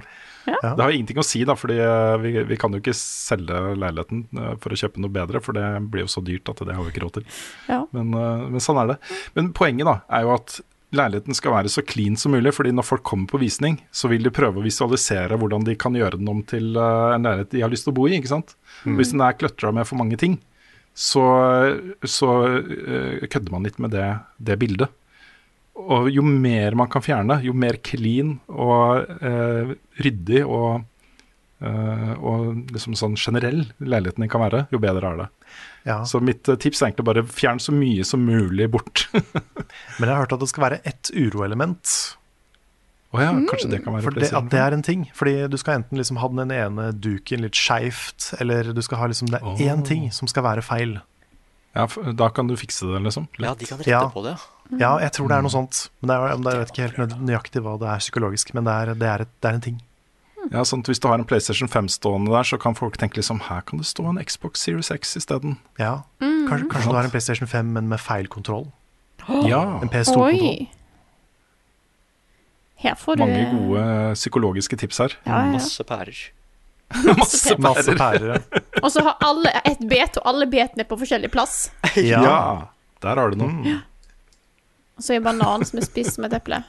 Da, herregud, Ja. Karl. Oi, oi, oi. Da, det var noen som sendte et bilde av en som spiste banan på tvers. Det er også bare sånn, Nå må Ja. folk gi seg.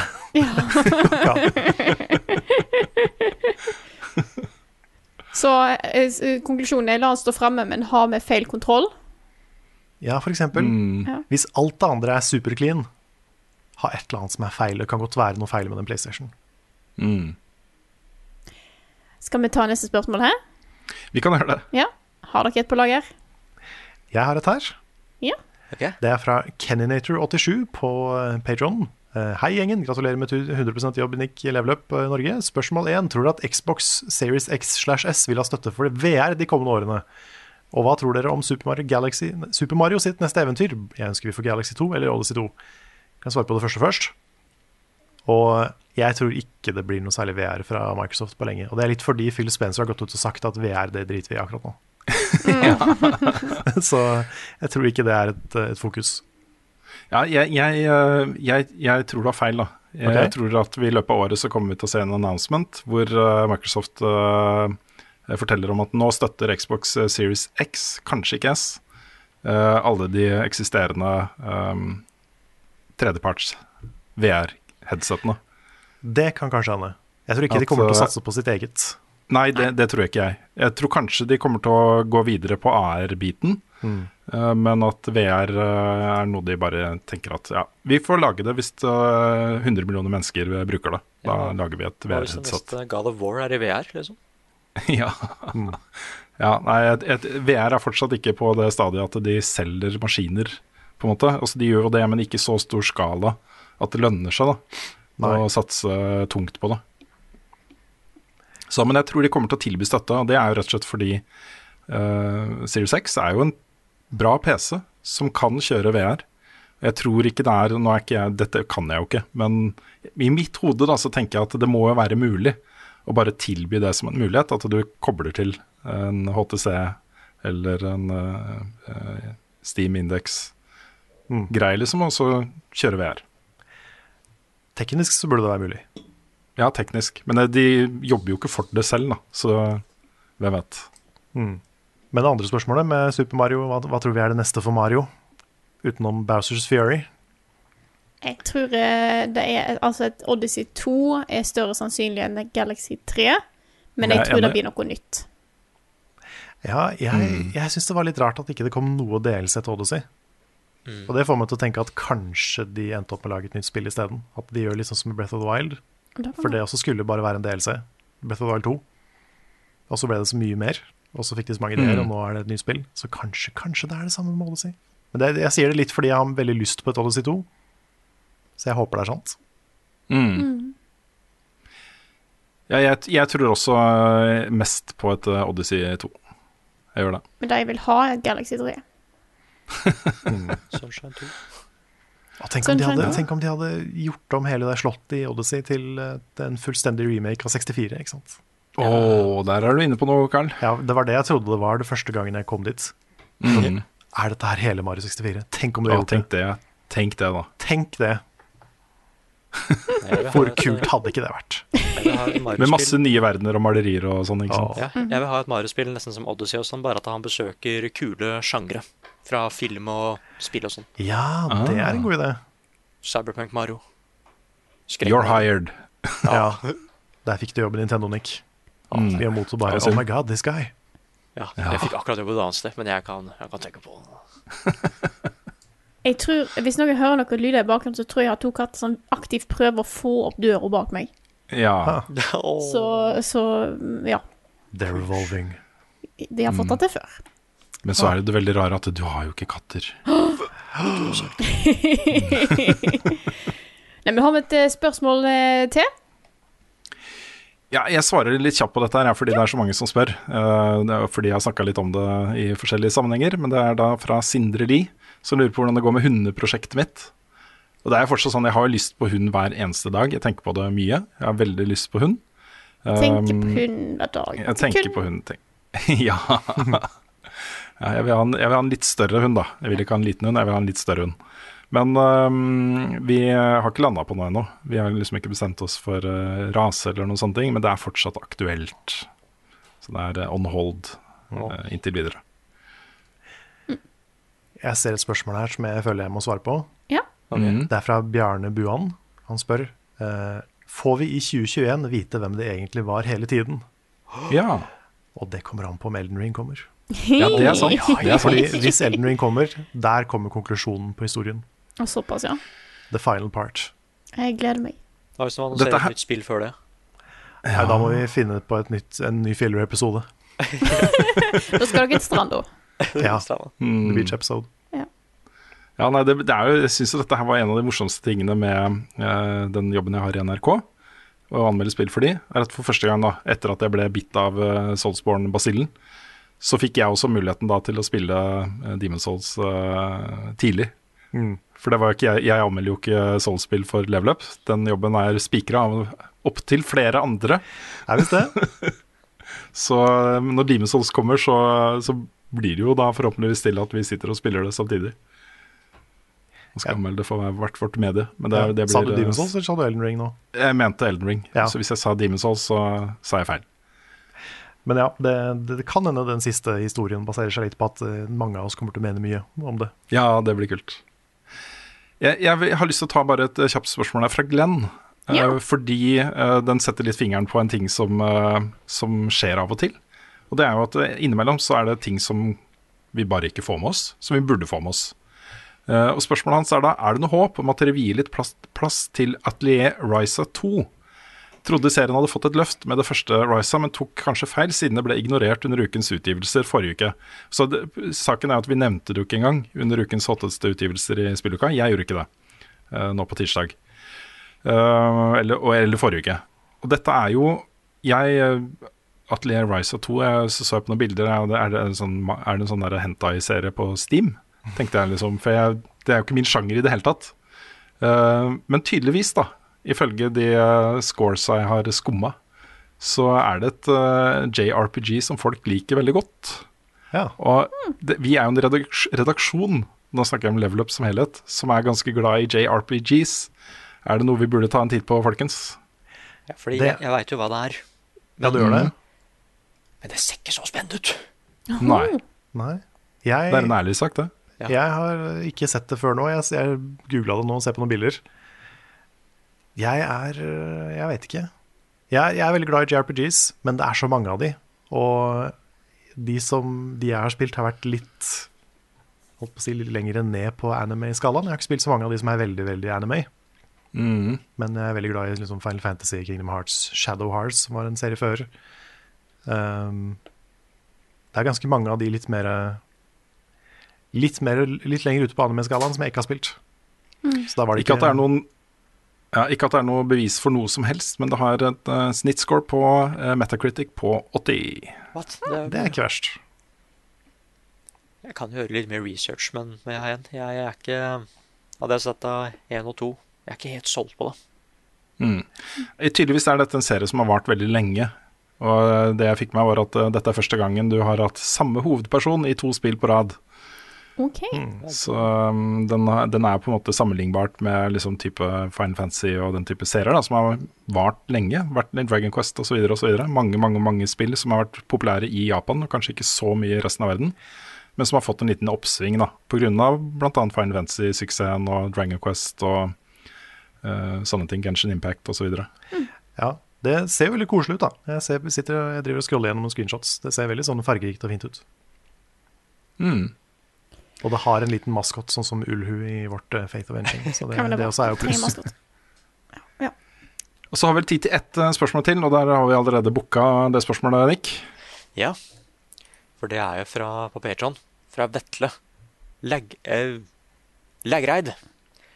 Og han, han spør da hvordan har Nick sine første arbeidsdager som fast ansatt i Level vært? De har vært helt like som de alltid har vært. ja. Du har jo jobba ganske mye med level up før dette her òg. ja. Uh, Ja, Mer enn du har fått betalt for også, kan man kanskje legge til. Det er liksom uh, Jeg kan jo si at jeg er jo i mye bedre humør. Det er jeg. Mm. Uh, og den store forskjellen er det at jeg trenger ikke å finne andre jobber på sida og gjøre liksom mens jeg anmelder ting. Det er liksom den aller største forskjellen. Fordi det har vært tilfeller hvor jeg liksom OK, nå skal jeg anmelde dette og anmelde Spiderman, da. Men jeg må jo også liksom spørre folk om de har lyst på noe grafisk arbeid. Det var liksom det frilans var. Jeg måtte spørre flere steder. Og det å liksom slippe den tingen der, bare fokusere på én ting, ikke stresse med at uh, at jeg skal få betalt fra flere steder, liksom. Det er liksom den svære greia, da. Og det, det har mye å si. mm. Jeg liksom Jeg syns alltid det er gøy å jobbe med jobb, men, jeg, men det er en sånn annen glede nå. Rett og slett. Jeg må også spørre deg, Nick, hva syns du om at eh, det første liksom, konkrete oppdraget du fikk da, fra liksom, toppledelsen Ja. i Buffkitten AS, var å manipulere hodet mitt på den nakne kroppen til uh, Geralt? Nei, jeg, jeg var ikke overraska. det var liksom det jeg kunne forvente Sånn av den jobben. Eh, det det var litt sånn Jeg tenkte ikke over det før du sa det, liksom. Nei. At du bare spurte bare kan du lage det. Hvis du har tid, kan du lage det? Jeg kan se hva jeg får gjort. Ja, Det var den første offisielle jobben. Det var det, ja. Fett. Det... Nei, men det, det var kjempemorsomt. Det ble veldig morsomt, det bildet. Kona hat, hater det. Kona hater det. Ja, intenst.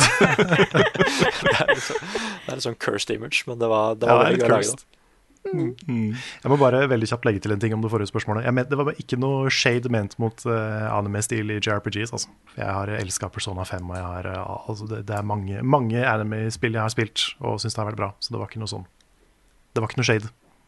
Du så plutselig hele din eh, eh, status som eh, JRPG-elsker eh, ramle sammen, liksom? Ja, jeg tenkte Mm. liksom mm. nå håper, jeg jeg ikke folk tror at jeg hater eh, JRPGs, for det gjør jeg virkelig ikke. Men uh, det er bare så mange av de. Ikke, det, er så, det er flere enn jeg får spilt. Og mange Ja, av det de er så lange òg, vet du. Mm. Så det er det Yes. meste. Ja. ja. Men skal vi ta en runde av det, da, folkens? Yep. Det kan Det kan vi gjøre. Dette her er Level, Level Backup, en podkast utgitt av moderne medier. Låten i introen og outroen er skrevet av Ole Sønnik Larsen og arrangert og framført av Kyoshu Orkestra. Vignettene er lagd av fantastiske Martin Herfjord. Du finner mye mer innhold fra oss på youtube.com slash levelupnord og på twitch.tv slash levelupnord, der vi skal prøve å streame litt mer framover, så følg med der. Vi har òg en ny merch-shop. Det er shop.spreadshirt.no slash levelupnorge. Eh, så gå inn der. Der kommer det òg sikkert flere Det kommer jo flere T-skjorter, for det dukker jo flere memes og greier innad hos oss, og da blir det flere interne T-skjorter. Men ellers har vi jo altså logoen vår på alt fra kaffekopper til eh, T-skjorte og capser, og vi har ei skrulla sofapute og et nekkforkle. Altså, du får det ikke bedre enn dette her. Bare så dere er klar over det. Så gå inn der og check look. Og hvis dere har lyst til å faen, hva, hva skal vi jobbe Nå er det musikalen som blir neste mål nå, da. Ja, det nærmer seg. Ja. Det er faktisk det, altså. Hvis dere, hvis dere har lyst til å Hvis dere enten har lyst til å se en ny musikal, eller bare har lyst på liksom skadefryden ved å få Karl Rune og disse til å lage en ny musikal Jeg, jeg, synes, jeg ser jo litt fram til dette her, men jeg vet at dere ikke gjør det.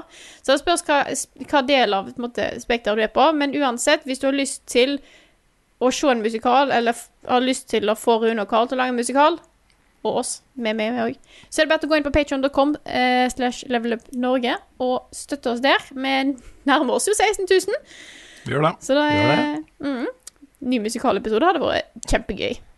Nei. Hadde Som really. Men tusen, tusen, tusen tusen takk til alle dere som støtter oss på Patreon Både dere som har vært med fra start, og dere som har kommet inn nå i helt nyeste tida. Eh, dere er helt fantastiske. Hva skal vi gjort? Ja, vi er veldig, veldig veldig takknemlige. Og det er uh, herlig å se at uh, vi kan holde på nå. Vi går inn i vårt femte år. Eller vi er, fyller straks fem år. Ja. Det er helt utrolig. Det er bare Patrons sin fortjeneste. Absolutt. Så tusen, tusen, tusen takk. Og med da så eh, Ja, Nick på heltid. Det er helt insane. Eh, Helt sant. Så, så med da så eh, sier jeg tusen takk for, eh, takk for nå. Takk for at dere har hørt på denne episoden her av Level Backup. Og så snakkes vi igjen neste uke.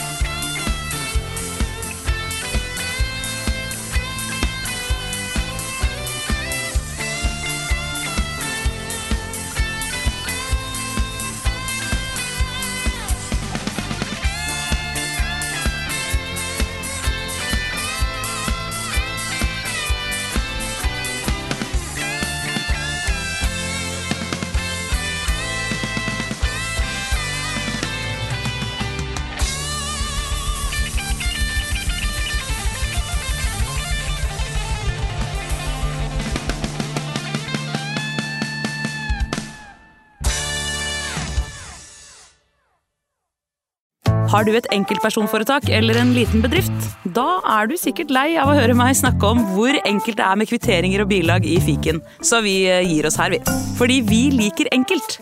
Fiken superenkelt regnskap.